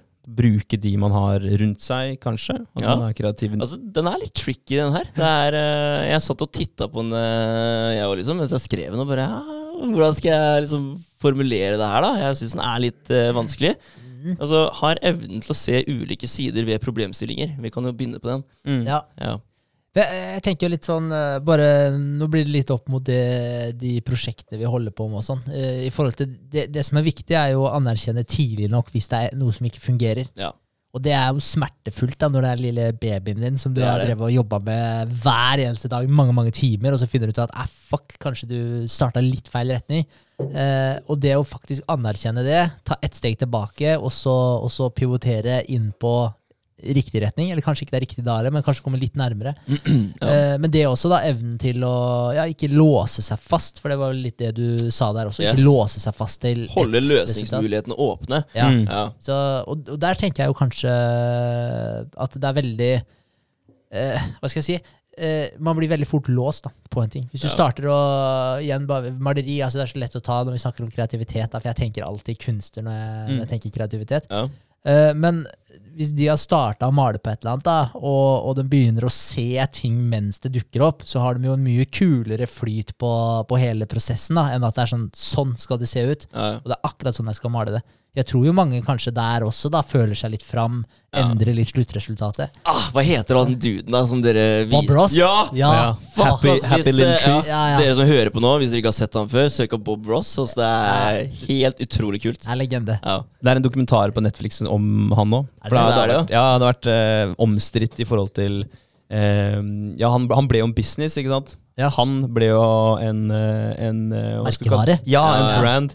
Og da var det jo noen eh, slue jævler da som eh, skulle tjene penger på det, som tok seg hånd om det businessrelaterte, ikke sant? Og så skulle han male og være den kreative, Mm. og så skulle de eh, sope inn pengene, da. Yeah. Selge merch og selge kurs og ja, tjene penger på TV-rettigheter osv. osv. Og så dør jo han eh, etter hvert. Han er jo død, Bob Ja. Ross. Ja. Og da har jo han noen barn. Han har en sønn, blant annet. Som da ikke har en dritt av rettigheter på noe av hans legacy, da. For det er jo det han har. Han har en Eh, shit. svær jævla legacy. Dårlig av Bob Ross, da. Han burde jo skrive noen kontrakter på det her, eller Yes, men, testament. da. men de har uh, gjort en jævlig god jobb, de eh, som uh, trollbandt han, da. Ja. Uh, ja, blant annet litt sånn romantiske affærer og bla, bla, bla. bla. Nei, ganske eh, Mm. interessant eh, Netflix-dokumentar, faktisk. Ja, okay. Ja, det kult, men først og fremst, se på et, et av kunstverka han lager På YouTube. På YouTube. Det er Det er, utrolig eh, fascinerende. Ja. Det er det. Ja, det er det. Du bare skjønner ikke hva det skal bli for noe, og så brått så bare tar han et sveip, og så er det bare wow, shit! Det bare, kan speile deg i vannet brått. Ja, det er helt utrolig. Ja, det er det. Han bør sjekkes ut. Han bør sjekkes ut. uh, ok. Eh, hva tenker du? Er det noe mer vi skal dra opp uh, innen det her, eller? Nei, jeg tenkte egentlig bare generelt da, at det, det, hvis jeg ikke fikk det fram godt nok, det med at jeg tror eh, at det kanskje er lettere for kreative folk å holde da, enn åpen. Ja. i stedet For for jeg er veldig sånn at hvis jeg på en måte har eh, bestemt meg for en ting, Mm. så er det den tingen jeg kjører på med. Eh, og, da, og, og da er det sånn det gjør, litt vondt i egoet igjen, da, for å ta opp den. da. Det er jo litt egoet ditt egentlig som kommer i veien for at kanskje ikke den løsningen var den beste. Ja. Men oddsa for at du kom på den beste løsningen med en gang, den er jo jævlig liten. da. Veldig liten. Ja, ja. Eh, så, man, ja. man blir nesten litt sånn eh, litt, Får litt tunnelsyn, da. Ja. Mm. Det er det man gjør. Ja. Eh, du ser ikke alt det andre som eh, skjer eh, rundt deg, og det tar kanskje litt lengre tid enn det det burde ta, da, før Mm. du innser at du, ok, nå bør vi faktisk rygge litt og ta en ekstra titt, eller ta en ny retning, da. Mm. Ja. Så det, det er ikke lett, men det er viktig å ha den uh, holdninga, da. At Ja, det er ja. mulig. Ja. Og spesielt hvis du, eh, sånn som du er veldig flink til, Henrik, da, sånn visualiserer Du visualiserer jo mye, da. Hvis du har visualisert eh, prosjektet ditt gå i den retningen x antall tusen ganger, Mm. da må det jo være ekstra vanskelig, da. Når du har sett for deg at det, det er sånn det her skal være, Ja. eh, og så skal du rive ned alle de banene du da har gravd opp oppi i hjernen da, med, Ja, altså. med enderesultatet. Ja, Klippe strengene. Ja. Ja, Jeg har allerede fått gjort det en gang. ja, Altså. ja.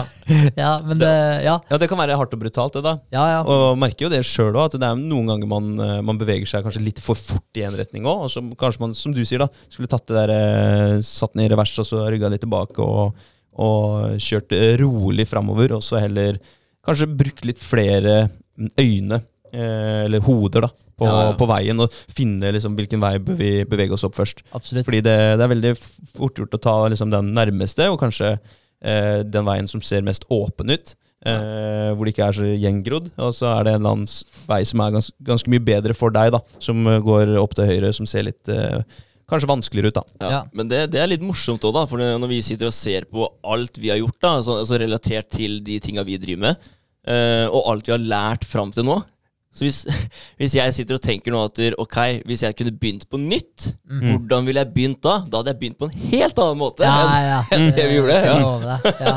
Men, men det, er, det, er kult, eh, det, er, det er kult å tenke på, men det viser jo bare at man har eh, ja, fått mye mer erfaring, blitt eh, flinkere. Eh, og ja, jeg, jeg hører på en lydbok nå som heter The Lean Startup. Mm. Og det konseptet der er, det er dritkult. Eh, Det handler hele tiden om å eh, lage deg en eh, MVP, Minimum Viable Product, Ja. og så skal du teste den. Teste den live, og så se åssen feedback du får, og se om du må eh, pivotere, eller om det her er noe du kan bygge videre på. Og det er sånn Den skal jeg ta med meg videre, fordi du Mm. kan bygge en MVP av nesten, nesten alt på en eller annen måte så kan du lage til en, eh, eh, en eller annen MVP. Du tror du trenger en fancy nettside med automatisk bestilling osv. Ja, Sett opp en dritenkel nettside med et lite sånn der, eh, skjema. da, altså Ja. Når det kommer en bestilling, så blir den sendt på mail til deg, og så er det du som kjører, kjøper maten, drar med maten Mm. hjem til dem. Og så spør du hvordan erfaringa deres var, eller opplevelsen deres var. Mm. Så, så altså, uansett, egentlig, når man tror da at det må være så jævlig omfattende til å begynne med, så trenger det ikke å være det. Nei. Bare start med en MVP, og så bare test den. Og da har du ingenting å tape på det heller. Jeg tror det er det inntrykket de fleste har, at det må være ganske fancy. Og det er det vi har hatt òg. Ja, ja. Ja, vi har det. Helt fra starten av så, så skal alt være kult, og folk skal få den der wow-opplevelsen ikke sant, når de først prøver det. da. Ja. Men det trenger ikke å være sånn. Det kan være enkelt. Det eneste Ja. de trenger å se, er at det, okay, det løser faktisk et problem for meg. Mm. Ja. Ja, og jeg, men jeg tror man burde tenke mer sånn eh, generelt også, da. Ikke Ja. bare med, med det business-aspektet, men tenk på det, tenk på det ellers òg. At det, ting trenger ikke være så jævlig stort og omfattende med en gang. Nei. Start bitte smått. Test det. Se, funka det? Var det noe for deg? Nei, kanskje ikke. Ok, prøv noe annet. Ja. Og da slipper du å gjøre så vondt også, når du må pivotere. Ja, Ja, det er akkurat det òg. Du Ja. har lagt så jævlig mye tid og energi i det. Om det er en ny hobby som du kanskje snakker om, da, eller en egenskap du skal Eller en skill du skal lære deg. Ja. Sånn som det handstand-prosjektet vi har hatt nå. Ja. Som, ja, du skrev jo det på Instagram òg. Skal du bare hoppe ut i seks minutter handstand, så hadde du jo tatt livet av deg sjøl. Ja, ja, det landa på huet hvis Ja. jeg skulle gjort det Oi, for ikke dagen igjen. Kul pose, forresten. Mm. Jo, takk. Ja, takk. Nice. Eh, kult. Skal steppe opp eh, Instagram-gamet litt. Bra. Ja. bra. Nice. Bra. Det Jo, jo, det bør egentlig jeg gjøre. Også. Ja. Det er eh, ett bilde, jeg tror jeg er fra 2018. så det er egentlig på tide. Er det på tide? Bruke de Ja. kreative skillsa vi, vi får ut av dagen i dag. Ja, det er Ja. noe med det. Men det er jo litt ubehagelig, det òg, da. Jeg må Mm. si det. Det er jo liksom sånn, Du putter deg sjøl litt eh, ut der Ja, ja. eh, da også, når man gjør det. Så, og ja, hva skal jeg si? Eksponerer. ja. Det Men er litt det er sånn jo- som, ja. uh, som de originalene. Du, Ja. du, Ja. du er jo en av de, da. ja. Ja. Når du stikker hodet litt ut. Men det er veldig rart, da. For altså, se på det vi driver med her. da Vi sitter eh, foran kameraer, vi prater i mikrofoner, og vi legger ut det her på Facebook. Ikke sant? Folk ser det her. Folk ser, ser det hele tiden. Mm. Og du, du stikker ut nakken, da. Ja.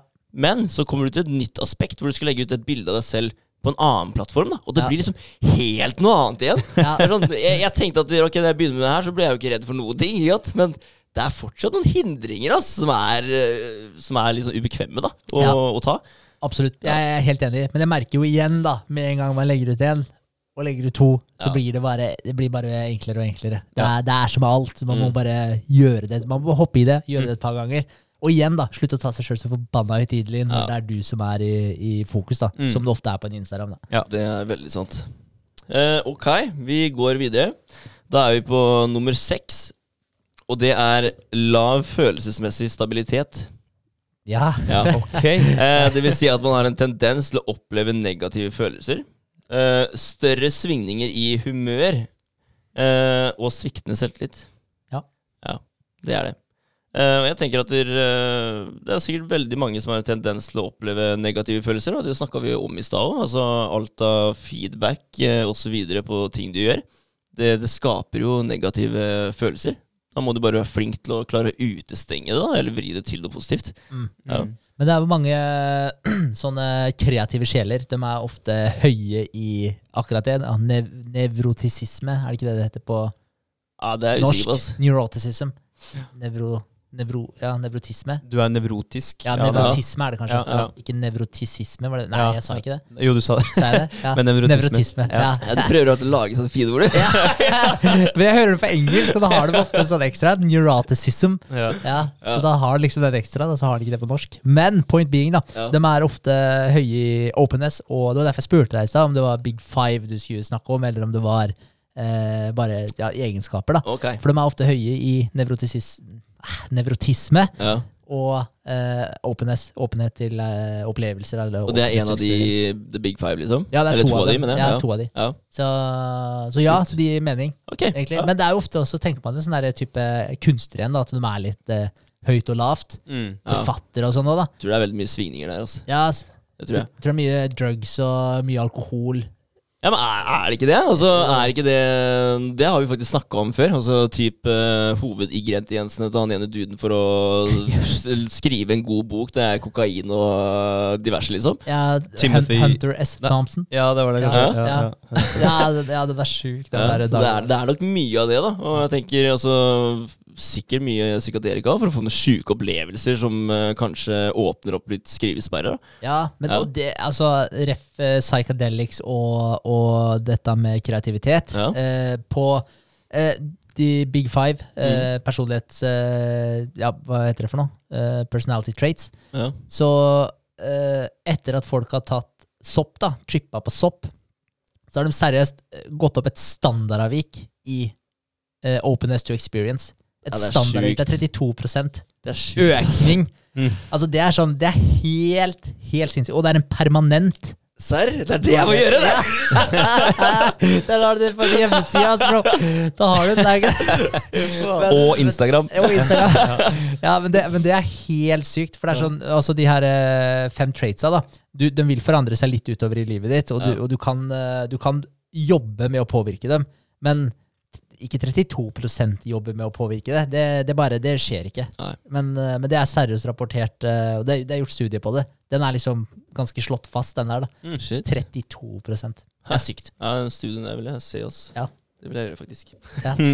Nei. Nei, men det er kult. Ja, det er bra. Ehm, eh, uh, eh, eh, hvor var vi nå, da? Ehm, Punkt seks, var det ikke det? Jo, punkt seks. Ja. Eh, har en tendens til å oppleve nega negative følelser og har større svingninger i humør og sviktende selvtillit. Ja. Ja. ja. Men det er, Vi har kjenner igjen kommet det gjennom eh, ja, ja. Vi var egentlig gjennom den. Men jeg, jeg kjenner igjen det da i den her eh, kunstner... Eh, kunstner... Eh, hva skal jeg kalle det for noe? Litt sånn bipolaritet, liksom, i, i de eh, menneskene Ja. som du ser for deg. Og Ja. Mange av de har jo på ja, de, de, de opplever mye, de har mye følelser i det de lager, og mange av de kanskje prøver å, å ta på seg en eller annen maske når de er ute blant folk. Er det ikke jeg, jeg, Han eh, komikeren, han øh, Jim Carrey. Ja, han har på masken. det er helt riktig. Eh, han som spilte eh, Mrs. Doubt, Miss Doubtfire eh, og Flubber og eh, Jeg har jo ikke hørt om det her Er engang. Okay. Og Robin Williams, Robin ikke? Williams, ja. Ja. Ja. Han tok jo livet sitt. Ja. Ja, shit. Og, og han eh, så ut som verdens hyggeligste, verdens morsomste, blideste fyr. Ja. Men han hadde jo eh, en eller annen maske da på hver gang han var ute, for han hadde det helt jævlig, tydeligvis. Ja, Mm. faen, jeg leste Å, fikk jeg frysninger av å tenke Ja. på det, faktisk. Jeg leste et uh, Det var et brev, eller, som eh, Jeg vet ikke om det var han som hadde skrevet det, eller om det var eh, kona som hadde skrevet det. Jeg er litt usikker. Ja. Eh, om det var han som skrev det bare rett før han eh, ja, tok livet av seg, eller om det var hun som hadde skrevet det i etterkant for å fortelle om opplevelsen hans. Men greia var at han, han begynte sakte, men sikkert da, å miste Hva heter det for noe? Lose your mind. Gå Mm. fra vettet, liksom. Han, okay. Sakte, men sikkert da, så mista han touch med, med sinnet sitt. Og, og, og det skjedde gradvis. Så han var jo sånn, han, han, eh, En av tingene som han var veldig stolt over, det var at han kunne komme på sett. liksom. Han huska alle linjene sine. Alltid. da. Huska replikkene. Han øvde dem inn, og de satt.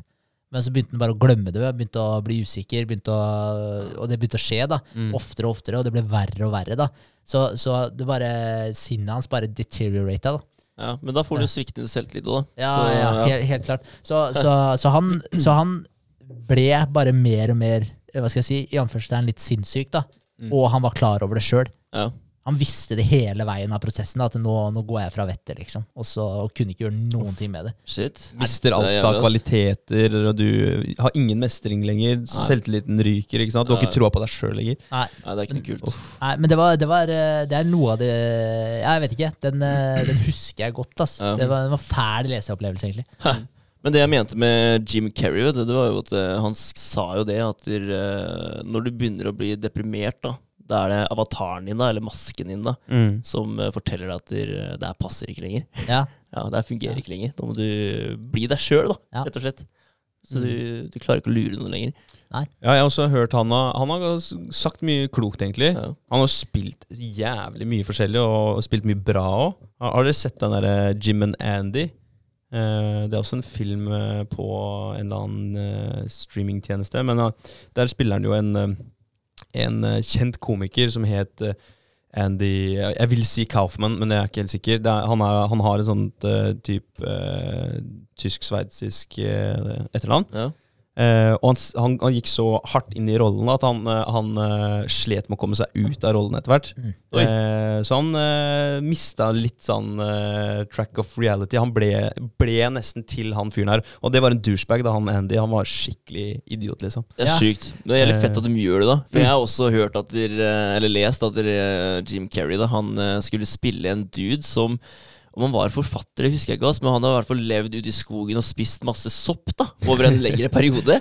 Så han gjorde jo akkurat det her da for Ja. å komme inn i samme Ja, og, og karakter som han andre duden. da Han har også sagt en annen kul ting. Da, det er eh, det her med depresjon som, du, som dere har snakka om. Ja. Eh, det ligger at, Hva var det han sa? At det ligger i ordet dep depressed. At du er, du er egentlig i- bokstavelig talt i en deep rest Mm. som du må Mm. komme deg opp av. For du, du, du er ikke deg sjøl, du er i en dyp eh, sånn dvale hvor du ikke klarer å, å komme deg opp. da, Ja. eh, og På et nivå som du har lyst til å både prestere, om det er det personlig eller business. eller Du er i hvert fall, eh, du har datt ned i en sånn hvilemodus hvor, hvor du ikke trives. Fordi hvis du kun hviler, du, du har kun 100 det, ikke, det her sier ikke han, altså, men jeg bare tar det ut ifra akkurat det her eh, deep rest-quoten hans. Hvis du kun hviler hele tiden, så, så er det som et eh, fullt eh, batteri da, på den klokka her, eller på en bil, eller hva det måtte være. Og det, jo, det betyr jo at de cellene, battericellene i, i batteriet, de alltid eh, har dårlig plass. Eh, de tapper seg aldri og får rom til å bevege seg. Alltid, det er alltid fullt. Eh, og det er ikke sunt da, for et batteri, og det er heller ikke sunt for oss som mennesker. Og vi må tappe oss litt for å, for å både fortjene å få energi igjen, og, Mm. og for å rett og slett utfordre, utfordre sinnet da, og, og kroppen. Mm. Så deep rest, det, er, det er ikke noe vi har lyst til å være i altfor lenge. Nei. Nei, fuck ass. Jeg så på meg et høl jeg nå, med en uh, ekstremt dårlig stige som måtte klatre opp av Ja, ja men det blir litt sånn. for å komme meg ut av det. Ja, dypere og dypere for hver Ja. eh, Jeg tror personligheten din går litt i hi, liksom. Ja, Ja, som bjørnene. det Ja. Men, men det er sjukt interessant det her med, med skuespillere som går inn i roller og, og blir en del av det. For jeg har jo også lest om Jim Carrey før, da, og han, han blir den karakteren. Han er den hele perioden som Mm. han spiller inn den. Så når du sier at han sliter med å komme seg ut av den rollen igjen, så, så var det akkurat det jeg leste. Da, for folk, på, folk som jobba med propsa rundt og sånn, hata han under innspilling. For han var helt rasshøl, liksom. Ja. Også, men de sa at når filmen var ferdig, Mm. så hadde han bare Ja. switcha, da. Så det var sikkert en annen film, da, men da Mm. han bare switcha, og det bare var en, en annen person igjen. Så det var sånn, De sa det var helt speisa Ja. å, å bevitne det. Så, så ja. Men der har du igjen han derre eh, Hva er det heter? Heat Ledger, er det det han heter? Han, Ja. Er, han tok, Joker. Ja, Mm. han tok jo livet av seg. Mm. Ja, Og han spilte jo Joker, en super eh, Jeg vet ikke backstoryen til Joker, men jeg tror ikke den er veldig hyggelig. Eh, Temmelig nevrotisk han òg, tror jeg. ja, så, så sånne type ting. Da. Det er jo ikke sikkert det er tilfeldig eh, at der, ja, spiller en så jævlig deprimerende rolle, da.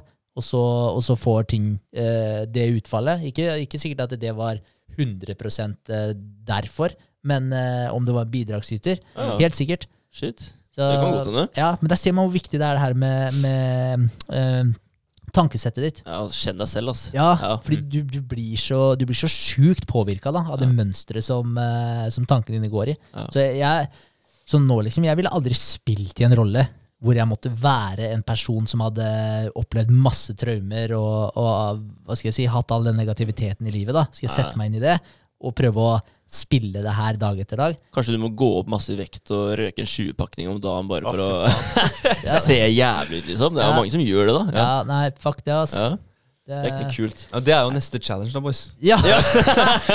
sånn by the way. Å, shit. Ja, ja. Nei, vi går eh, videre til uh, siste punkt, nummer Ja. syv. Eh, og det er lav omgjengelighet. Altså Det ble litt sånn dystert på Oi, slutten her. ja. det ble det. Men Ja. Uh, ja, det er lav omgjengelighet. Uh, det vil si at du har, har en tendens til å være lite omtenksom.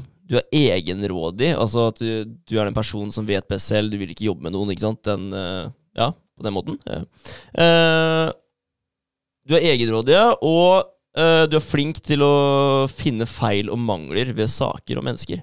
Ja. Ja. Det er liksom en sånn litt sånn negativ jævel som bare påpeker alle andres feil hele Yes. tiden. Er- Yes. Nå er jeg glad, nå er jeg glad for at vi ikke sa at vi, vi kjenner oss igjen i alle, alle her. Vi kjenner oss ikke så mye igjen i de to siste, siste her. Nei, det er sant. Men, men det, er jo, det er jo garantert Jeg, jeg ser jo for meg den herre den her, Hva skal jeg si Den arketypiske kreative jævelen. Jeg, jeg ser jo for meg det i det siste punktet der òg. Ja. Jeg gjør jo det. Ja. Selv om absolutt ikke alle kreative mennesker er sånn. Men det er litt den der stereotypen, da. Mm. Ja. Det er det jo. Um, ja, for det er, det er ikke Altså, vi har jo ikke en tendens til å være lite omtenksomme. Vi er veldig omtenksomme overfor hverandre og andre. Det, det syns jeg jo. Uh, jeg vil ikke si at vi er egenrådige. Vi er veldig flinke til å hjelpe hverandre og spørre hverandre om hjelp. Og, og andre, selvfølgelig. Det er, eh, det er noe med den eh, vi jobber med, da. At uh, hvis man spør, så får man gjerne et ja, da. Mm. Ja, det er litt det vi lever etter.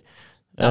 Um, og vi finner jo ikke feil og mangler ved saker og mennesker med mindre det er noe oppriktig da, og noe som vi kan rettferdiggjøre. Ja, ikke sant? Det skal være fortjent der òg, som Ja. et kompliment. Ja. Så nei, jeg er helt, helt enig med deg, Vegard. Men hvorfor tror du at de er eh, de som er superkreative da, og treffer på den egenskapen her? Hvorfor, hvorfor eh, blir, blir de mer kreative av å ha den egenskapen her, eller er det en egenskap som Eller et kjennetegn som eh, Er det mange kreative mennesker som har det kjennetegnet? Jeg tror det er veldig Si kunstneren, da. Mm. De som er litt sånn dystre, maler dystre bilder, skriver Si de er forfattere, de skriver eh, ja, noen sjuke krimpodder. da. Det er veldig mange som er ute og følger gamle, gamle sånne krimhendelser da, og Mm. skriver om det her. Og så jeg, jeg tror de trives mer i sånne dystre miljøer, holdt jeg på å si, da, og har de der environmenten rundt seg som er dyster, da, kontra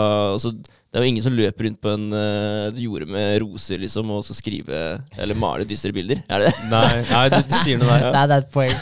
Det er et godt poeng.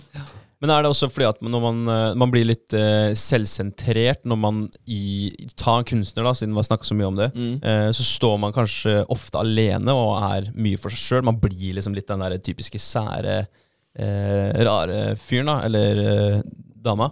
Ja, altså. At man Når man er Ja, når man er kreativ, at man ja, vi, vi trenger ikke noen andre, for jeg er kreativ sjøl, liksom. Ja, og du, du, sitter, du sitter jo der og maler alene òg, da. Ja. Og det, det, er liksom, det er dine tanker og ideer, holdt si, ditt bilde du vil få på lerretet. du blir litt Det er ikke isolert. andre sitt. Nei, ikke sant. Nei, jeg vet ikke. Det er jo deg.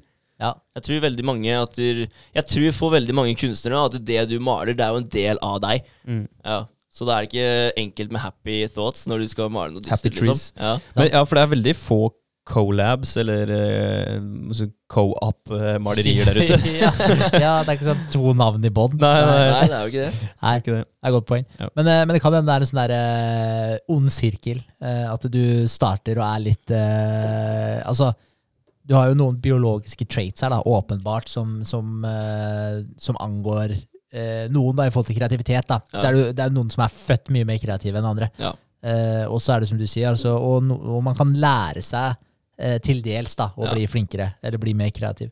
Men det kan hende det er sånn de som kanskje da er født med disse traitsa, kanskje eh, automatisk er litt mer eh, ja, kanskje den der fantasi-virkeligheten, at den kanskje overlapper lengre utover, at den beholder mye mer den der fantasi- og drømmeverdenen da, Ja, ja. enn det andre gjør. Og da automatisk så eh, kanskje de ikke går like godt overens da, med andre, for man tenker ikke likt. Eh, og da at man da isolerer seg litt, og da er man jo i mye sine egne tanker. Og, og uttrykker det på lerretet eller i skriveboka eller hva det måtte være. Og da, og da vil du jo på en måte Du vil jo få den der loopen Mm. Ja. eh, på det. Ja, så, veldig sant. så det Ja. kan jo hende. Sitter sikkert en eller annen kunstner ute nå og bare Fuck, dypt vann. Ja, det stemmer ikke. Det stemmer ikke. Ja, nei da, men uh, ikke alle, da. Nei, ikke alle. Nei. Det her er hvordan vi tolker det, Ja. og vi er ikke ekspert på verken kunst eller kreativitet. Nei, men vi vi er lyst bedre på kreativitet i dag. Det er vi. Ja. Og vi har lyst til å bli enda bedre. Ja, ja, Ja, det er veldig sant. Det er veldig sant. Uh, ja, da er vi jo gjennom, da. Uh, og ut ifra den studien her, så er det jo punkt én og fem som i størst grad leder til kreativitet. Og det er jo den uh, assos... Uh, husker jeg ikke hva det heter igjen. Assosiativ orientering Ja. og fleksibilitet er faktisk de to punktene da, som, Ja. eh, som leder eh, mest til det å være kreativ. Da. Ja. Um, og da er det jo det at de fem resterende trekka, da ehm, Det er liksom de som beskriver eh, de følelsesmessige tilbøyelighetene, og har den motivasjonsfaktoren da, til at du har lyst til Sikkert uten at du vet det selv, da. Mm. Til å, at det påvirker kreativiteten din, og kanskje får deg til å ville bli mer kreativ. Da. Kult. Ja, veldig kult at det er de to der òg. For da, det vil si at da, da er det de med, eh, med drømmer, først og fremst. Fantasi og, ideer Ikke sant? om og ja. Og med, med fleksibilitet, som du sier. Eh, med drømmer. De som eh, er på vei mot drømmen sin, eh, må være fleksible på veien Mm. mot drømmen sin. Så det er de to tinga der da, som vi skal ta med oss og ha et litt eh, åpent fokus på, kanskje. Ja. Ja. Mm, Ja. Eh, ja, og så sier han jo til slutten her, da, han Øyvind Martinsen han legger jo vekt da på at der, eh, kreative mennesker kan trenge hjelp til å fullføre prosjektene sine.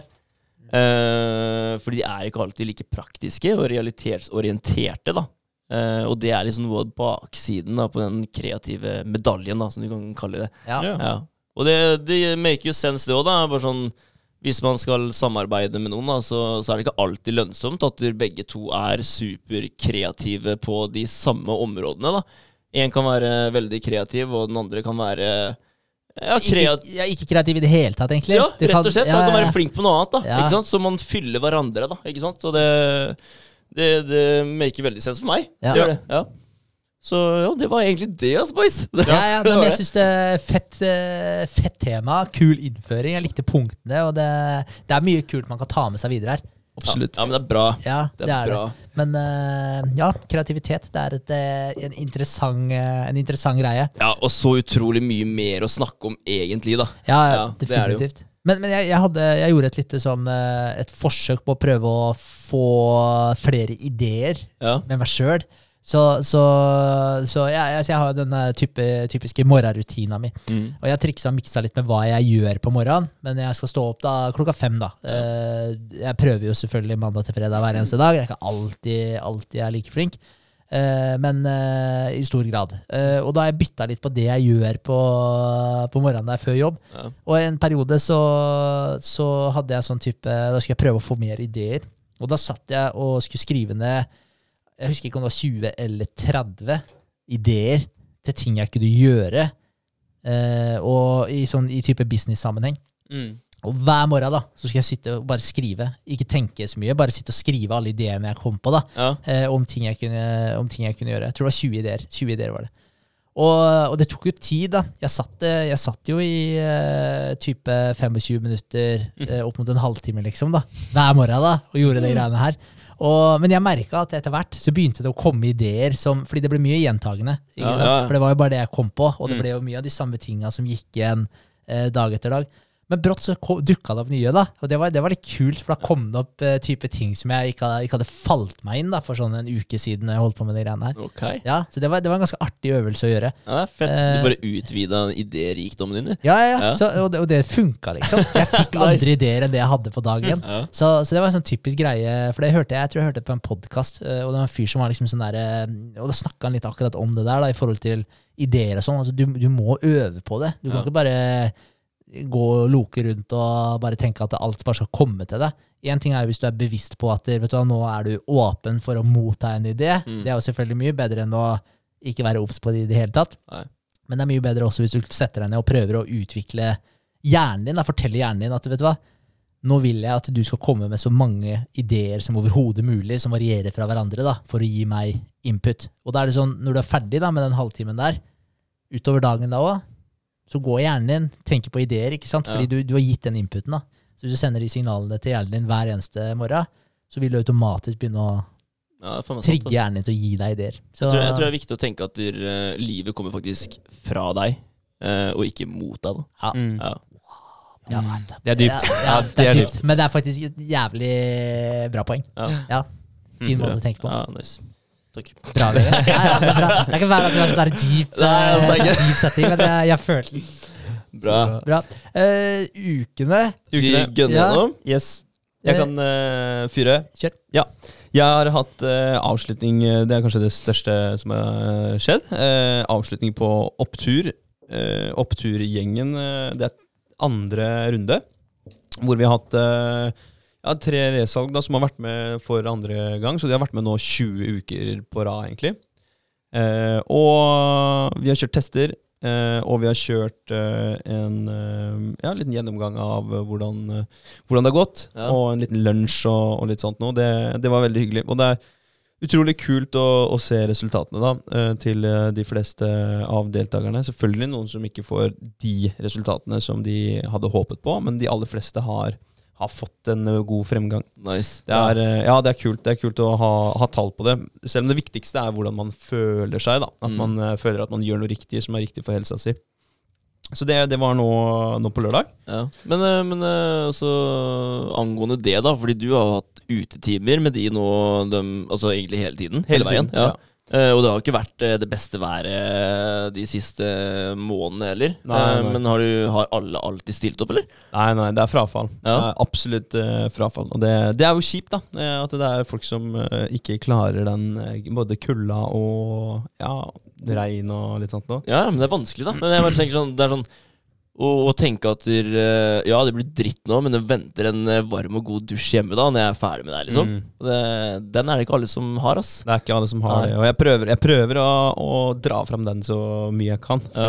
det, er, det er alltid verdt det når du er ferdig med en, en sånn type session, da, hvor du har fått opp pulsen litt. Og, men, det, men det er så imponerende å, å se de som har vært med, og se ja, hvordan de tar bakkene da, fra folk som ikke kunne gå eh, 50 meter og, i en bakke før de måtte stå og ta pause, som nå jogger oppover eh, bakkene. Det er, Shit.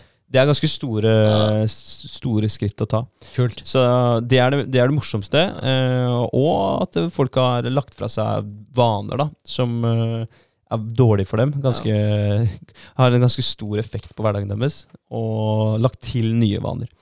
Eh, og skal være med for tredje gang da, over nyttår, f.eks. Ja, det er dritkult. Ja, det er helt, helt rått. Og jeg skulle ønske at det, det var flere som, eh, som ble med, men jeg skjønner at det tar tid å bygge opp, og, og det, er, det er kostbart. da. Det, det er ikke sånn at alle har råd til det heller. Nei. Men det er jo ikke, det er jo ikke et marked eh, Altså Markedet der er jo ganske definert. Det er jo på, det er voksne mennesker som ikke ønsker å trene innendørs, og de har jo Mm. åpenbart ikke et abonnement de betaler på.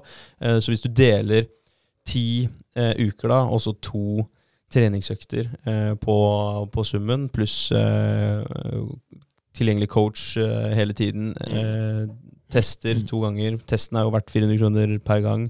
Eh, online medlemsportal hvor du kan finne treningsøkter oppskrifter fra ho Linda Stuhaug, som er ganske kjent.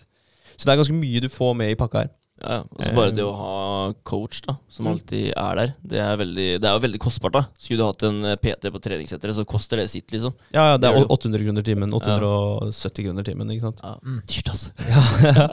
Det er dyrt. Så kjøper du flere, så får du jo mer med en PT, og det samme er det jo her, da. Du kjøper jo 20 sessions ehm, av gangen. Men det, det var en eh, veldig ålreit dag. Det er alltid veldig hyggelig, fordi de er takknemlige, jeg er takknemlig, og ehm, det er det derre å få anerkjennelse, å få komplimenter tilbake igjen. ikke sant? At de har gjort en god jobb, de har fått fortjent uh, anerkjennelse fra meg, og Mm. omvendt. Og, og at man uh, ser at det har, har en positiv effekt. da, Begge veier. Jeg lærer jo masse av å gå og snakke med de. ikke sant? Det er jo ganske forskjellige typer mennesker som blir med på sånne, sånne ting. Det er ikke én spesifikk eh, personlighet der. Det er ikke en kreativ, det er ikke en eh, ukreativ. Det er en god miks. ikke sant? Ja, Så det, det er kult. Eh, ellers så har det vært, eh, eh, vært litt eh, i regnskap for bedre. Så nå er jeg à jour der. Og så har jeg eh, sittet minimalt nøyd så det står på neste ukes to do-list. Jeg har lagd en liten eh, kalenderoppføring nå, så jeg Ja. sendte en snap til dere i stad. Ja, Så bra. det. Så- så veldig bra ut. Planlagt eh, uka. Det var egentlig digg. Og nå da er egentlig 2021 planlagt sånn delvis også, med recurring da på de tinga jeg vet jeg skal ha som faste rutiner i eh, Nei, 2022, da. Ja. Så um, det var uka. eh, og, og uka som kommer, er det jo jul, da. Ja. Um, og så har jo vi gjort ferdig en handstand eh, challenge. Yes, det har vi, ass. Det har vi. Så vi sto seks minutter på torsdag, som var. Ja. Det var 1 time, 48 og et halvt minutt har vi stått på hendene Har vi det? på 31 dager. Damn. Jeg må si at det, eh, det har vært en veldig utfordrende øvelse. Jeg syns det, altså. Eh, eh, jeg, jeg føler jeg har blitt bedre i det, men eh, fader så tungt det har vært uh, egentlig alle gangene. Mm. Ja. Og det, det har tatt tid òg, da. Det er liksom, ja, du skal, stå, du skal stå seks minutter til slutt, liksom, men det tar jo fader så lang tid å komme hvile. dit, da. Ja, Ja, du skal hvile imellom, og jeg Ja, tror jeg brukte til slutt det er en halvtime nesten. Ja. Men Jeg, jeg brukte rundt en eh, halvtime, jeg òg, men på Mm. helt siste økta da gønna jeg på med korte pauser. Og da, Så da hadde jeg flyten den dagen. Da gikk Ja. det på 22 minutter. Mm. Men, Ja, nice. eh, men eh, de fire, fem, seks foregående dagene så hadde jeg brukt opp mot en halvtime. Ja. Så det tok typ det. Ja. Men uh, har du stått på, eller har dere stått på hendene nå etterpå, eller? Jeg har ikke gjort det. Ja, sto i går, sto jeg. Men jeg kjenner underarmene mine. Altså, dude. de Mm. er, uh, jeg- får fort syre i underarmene nå. Det er akkurat som at jeg er, jeg er litt uh, Du er ikke helt ferdig ennå. Nei. Nei, Nei. nei jeg, har ikke, jeg har ikke fått restituert ordentlig. Jeg merker det når jeg sitter og skriver på tastaturet på jobb, og sånn, at jeg får syre i, Oi. i det er- underarmene. Så jeg, så de, de, har fått seg, de har fått seg noen økter, da, for å si det sånn. Jeg, jeg prøvde i stad, og jeg syns eh, Jeg sto ikke lenge, men jeg kjente, jeg kjente at jeg var sterk i skuldrene. Ja. Skuldrene var eh, sterke. Jeg kjente ikke så mye i underarmene, men jeg sto kanskje litt for, eh, for lite. Ja. Eh, men eh, jeg tenker jo sånn da at nå har vi jo Vi har, vi har jo hatt en challenge gående siden august. Ja.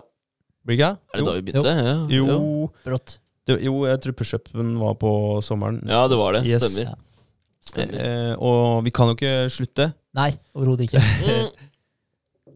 Vi har en i januar. Vi har jo en eh, challenge i januar, da, med altså, maten vi skal spise. Yes. Ja, det har vi jo. Men, det, men det blir jo en Men del det er ikke en treningschallenge, da. Det er det ikke. Nei, og så er det en del av, av hele dagen. Ja. Um, så jeg tenker Vi kan kjøre en mini-challenge nå over jula fram til den, og så tenke at uh, Carnivore er en challenge. Jeg syns vi skal ha noe i tillegg til carnivore. Ja. For det, carnivore tar meg ikke noe tid. Nei. Når jeg skjønner hva jeg mener. Jeg, jeg, kunne egentlig tenkt meg å prøve det der og faktisk gå på alle fire. Så jeg, jeg, tror- jeg tror det kan være litt fett. Liksom. gå på alle fire. Hver gang du er ute i butikken og sånn. Nei, vet du, hva, det, jeg, jeg gjør jo det inne, da. Men, eh, Til butikken. Til Ja. Fra Bratsvoll. Ja. Men eh, det skal tydeligvis være veldig bra, bra trening da, for eh, underarmer, armer, skuldre, alt eh, mulig, egentlig. Så Jeg er, med på, jeg er med på den, men jeg, jeg har et lite request, fordi jeg har dratt på meg litt vondt i hoft slash bekken. ja. Ja, vondt i hofta. Har du det? Jeg har det. Jeg skjønner ikke hvorfor. Høyre eller venstre? Venstre. Ja, jeg er på høyre. Da er det ikke samme greia. Stått for mye på hendene. Altså. Nei, jeg tror ikke det er det. Nei. Jeg, jeg, jeg tror jeg vet hvorfor. Eh, Det er fordi at jeg har gønna på med ganske tung styrke i det siste, og så Gønna på med Kristine. vondt i jukkehofta. Kristin, hold deg for øra. Neida. Eh, um, nei, men eh, tunge knebøy. Ja. Eh, ikke markløft. Eh, markløft eh, går fint, men på tunge knebøy så kjenner jeg det i the pelvic, eller the pelvis. Ja. Ja, det er et eller annet som skjer. Noe sånn betennelselignende følelse. Ja. Eh, jeg tror jeg vet Fordi jeg har vært dårlig på yogaen og stretchen etter at jeg gønna på med okay, både handstand og tung styrke. Ja, Da var det noe som røyk, ikke sant? Mm. Så jeg har et request. Kan vi kjøre, om ikke en måned fram i tid, da, men i hvert fall over jula? Eller ja, hvis dere stemmer for en måned fram i tid, så er jeg med på den. Da er det annenhver dag, da, med typ en challenge som du snakker om, uh, Vegard, med alle fire walking. Eh, sånn Eller skal vi ta en challenge vi faktisk, eh, som vi faktisk kan uh, utøve på et treningssenter? Ja. Så Jeg har ikke lyst til å gå rundt bare fire på treningssenter. Liksom. Det hadde blitt Hva skjedde med barrierer der, Vegard? Nei, men faen! Ser ut som eh, Altså, ja, ja, men Men det er jo bearwalk, da. Vi gjorde det mye på brytinga, vi. Hva er beerwalka? Det er typ sånn, da. At Det er du gå på alle fire. liksom. Ja, alle fire. Ja, vi gjorde Men det, det, på det skal være bra trening. da Jeg har Ja. fulgt med på en dude på uh, YouTube som holder på med det, og han har blitt jævlig sterk. altså. Ja. Ja, Sjukt. Men uh, kunne vi ikke gjort det, da? Annenhver dag. dag. Yoga Ja. og bear crawl. Ja. Ehm, vi, vi trenger ikke å spikre det nå. Vi kan definere hvordan man skal gå, og Ja. hvor lenge, hvor mange steg. Ja. Jeg, er med på den yogaen, for det er, det er veldig vanskelig for meg å kjøre yoga hvis vi ikke har en sånn Det er nettopp det. Ja. Ja. Og jeg tror det, det er veldig bra for, for oss. Og fint å ha nå i jula. Ja. Deilig, vet du. Ja, skal vi kjøre det over jula? Ja. ja? Gjør det. Ja, lurt. Bare starter vi der. Ja. Ja. Ja, En yogaøkt. Og så hvor lenge skal man gå på alle fire? Eh, la oss diskutere Ja, det litt nesten- Ja. utenom podden, sånn at eh, Ja. folk slipper å høre på at vi dveler ved det. Ja. Ok, uka Ehm, ja, uka. Ehm, vi hadde jo møte på mandagen, fellessamling.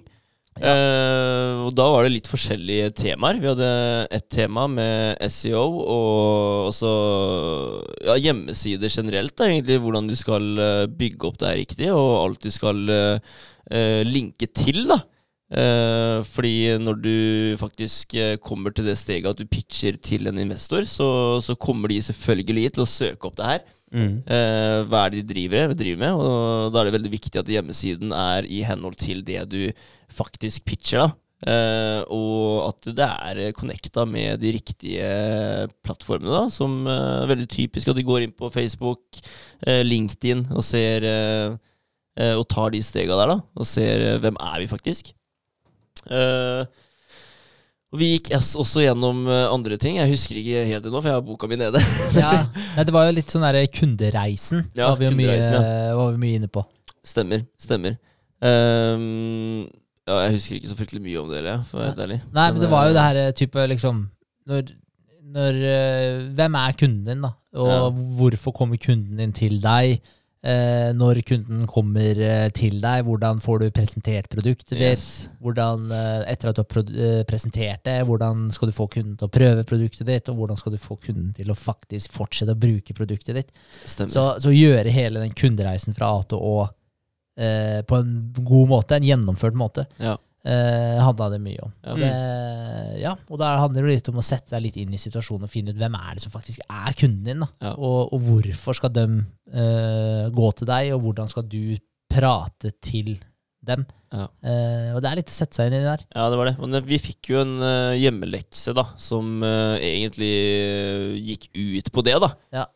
Å sette opp den reisen der, da, altså egentlig helt fra, fra start til eh, slutt. da, holdt jeg på å si. Fra du presenterer produktet ditt, til de får prøvd det, eh, og til du, til du skal få dem til å bli lojale mot deg. da. Mm. Eh, altså, hva, hva er grunnen til at de faktisk skal fortsette å være hos deg? Mm. Eh, måten å gjøre det på. Og den er ikke så lett, i hvert fall ikke når vi ikke er der ennå. Mm. eh, Å fylle ut alle de felta der. For det, så det blir spennende å se når vi skal gå gjennom eh, de stega der, egentlig. Ja. Det blir det. Eh, annet, vi har pakka noen eh, demopakker som vi skal ha med rundt eh, til uh, diverse hesteeiere. Som vi faktisk uh, For da har, være litt overflødige med de pakkene, så de faktisk kan ta kjenne og åpne de pakkene da, og se hvordan uh, hele prosessen fungerer. da. For det er veldig lett å komme med en pakke som du bare får sett utsiden av, og ikke helt skjønne eller vite hva som befinner seg inni den. da. Mm. Det er lett å si at ja, det er ditten og datten inni der, liksom, men de får ikke sett det sjøl. Ja, og kanskje ta hele den prosessen òg, da. At de, de later som da, at nå er den pakka her én av 30 pakker da, som du har fått. Og du går og henter den fra matplassen din da, og eh, beveger deg dit du skal med den pakka. Du åpner den, du får tatt på det, du får kjent på det, og du får litt forståelse med en gang. da. Tenker jeg at da, da er det kanskje litt enklere for de å ja, skjønner prosessen mens vi er der og pitcher det. da. Mm. Så det har vi gjort. Og så skulle vi egentlig møte igjen eh, denne uka her, men eh, Eller uka som var. eh, Men han eh, meldte frafall eh, i siste liten. Vi kom oss til Rygge.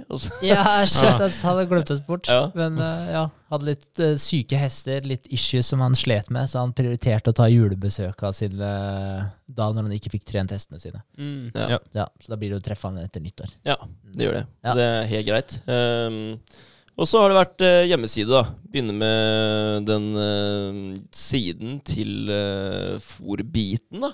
Uh, må jo promotere det òg. og det var der jeg begynte å føle på den kreative delen. Mm. Det gjorde jeg. Uh, men vi satte oss jo sammen uh, og gikk gjennom litt. Og fikk en litt større klarhet i hvordan det skal fylles inn. Eh, så det var bra. Så da skal jeg egentlig ta litt bilder da, til uka som er nå. Kult. få inn litt stæsj. Det blir bra. Ja. Det er bra. Jeg har kontakta en hel haug av folk for å prøve å pitche produktet vårt, egentlig. da. Eh, har gjort. Og det eh, da, Og da får, får vi mye blanda tilbakemeldinger. Det er mye positivt i forhold til ideen, men det er mange som eh, med ensilage. Det kan ikke vi pakke ennå. Ellers er det folk som er pliktige til å kjøpe høy av stallen de står på. Mm. Eh, ja, det er, det er flere sånne. Ellers er det noen som har mange hester, og så blir løsningen kanskje for dyr. Eh, så, så det er litt sånn, det har vært litt eh, problematisk. Eh, så Sofie hadde en veldig god idé som vi skal spille litt videre på, sånn at vi slipper mye av det hastet rundt. Og heller kanskje være litt mer mobile og pakke deres eget fôr for dem. Mm. Og det eh, kan jo bli veldig interessant. Eh, derfor eh, så nå har jeg avtalt med en, eh, en som vi egentlig allerede har vært og besøkt tidligere, da, som vi har prata med. Eh, så han er på Momarken, så da skal vi inn der og pakke for han, egentlig. Nå, nå eh, i morgen. I morgen. Ja, Ja. Så drar vi og henter masse høy og, og kraftfôr, og så steller vi oss og pakker og leverer her tilbake til han. Og da, er, eh, og da blir det veldig interessant å høre erfaringa hans med det. da. For det her er en løsning som kan bli billigere, og den kan være aktuelt for folk med mange hester, den kan være aktuelt med folk med én hest. Og Og med, med høy fra stallen nå, kanskje? Kan dere da hente det høyet, bruke det høyet i pakkene deres? ja, altså det skal vi gjøre nå, mm. eh, men da ville jo vært å hatt en mobil pakkemaskin. Mm. Som vi tar med oss på hengeren, Okay. og så bare steller oss der og bare pakker alt. Kan vi reise rundt hele verden, andre. Helt verre. Ja. Ja. ja, så, det er litt der vi er nå, så vi har måttet ta en liten, eh, en liten vending. Eh, men vi er fortsatt inne på det samme konseptet. Ja. Og, og som sagt, konseptet har vi fått ekstremt mye positive tilbakemeldinger på. Men det er at det er litt få det passer for. Dessverre. Mm. Mm. Så da kan jo heller vi ta med løsningen til dem. Ja, ja. Og så er det noe med det at dere- folk har gjort det her i alle år. ikke sant? De har, de har fôra hestene sine på den måten her for alltid, typ da. Mm. Så det å klare å, klare å få dem til å endre tankegang eh, For å liksom spare tid da, og, og muligens penger, da, for det er veldig mange staller som har ansatte. Så du kan faktisk fjerne et ledd der. da. Mm. Eh, og det er veldig interessant å se om eh, det faktisk er en mulighet. For da er det penger. Da blir det ikke så dyrt allikevel, da, hvis du fjerner et ledd, eh, selv om vi, det blir litt påkostninger ved å bruke oss. Ja, ikke sant. Eh, så fjerner du kanskje et ledd som er, som er en enda større kost. da. Mm. Eh, så det blir, veldig, det blir veldig spennende å se. Jeg gleder meg til eh, de tilbakemeldingene vi får av han. For det, han er i en sånn situasjon. eh, og det er gull verdt for oss å vite hva han tenker rundt det. Absolutt. Det er det. Så det blir kult. Så der er vi litt på den der MVP-en igjen, da. Mm. Mm.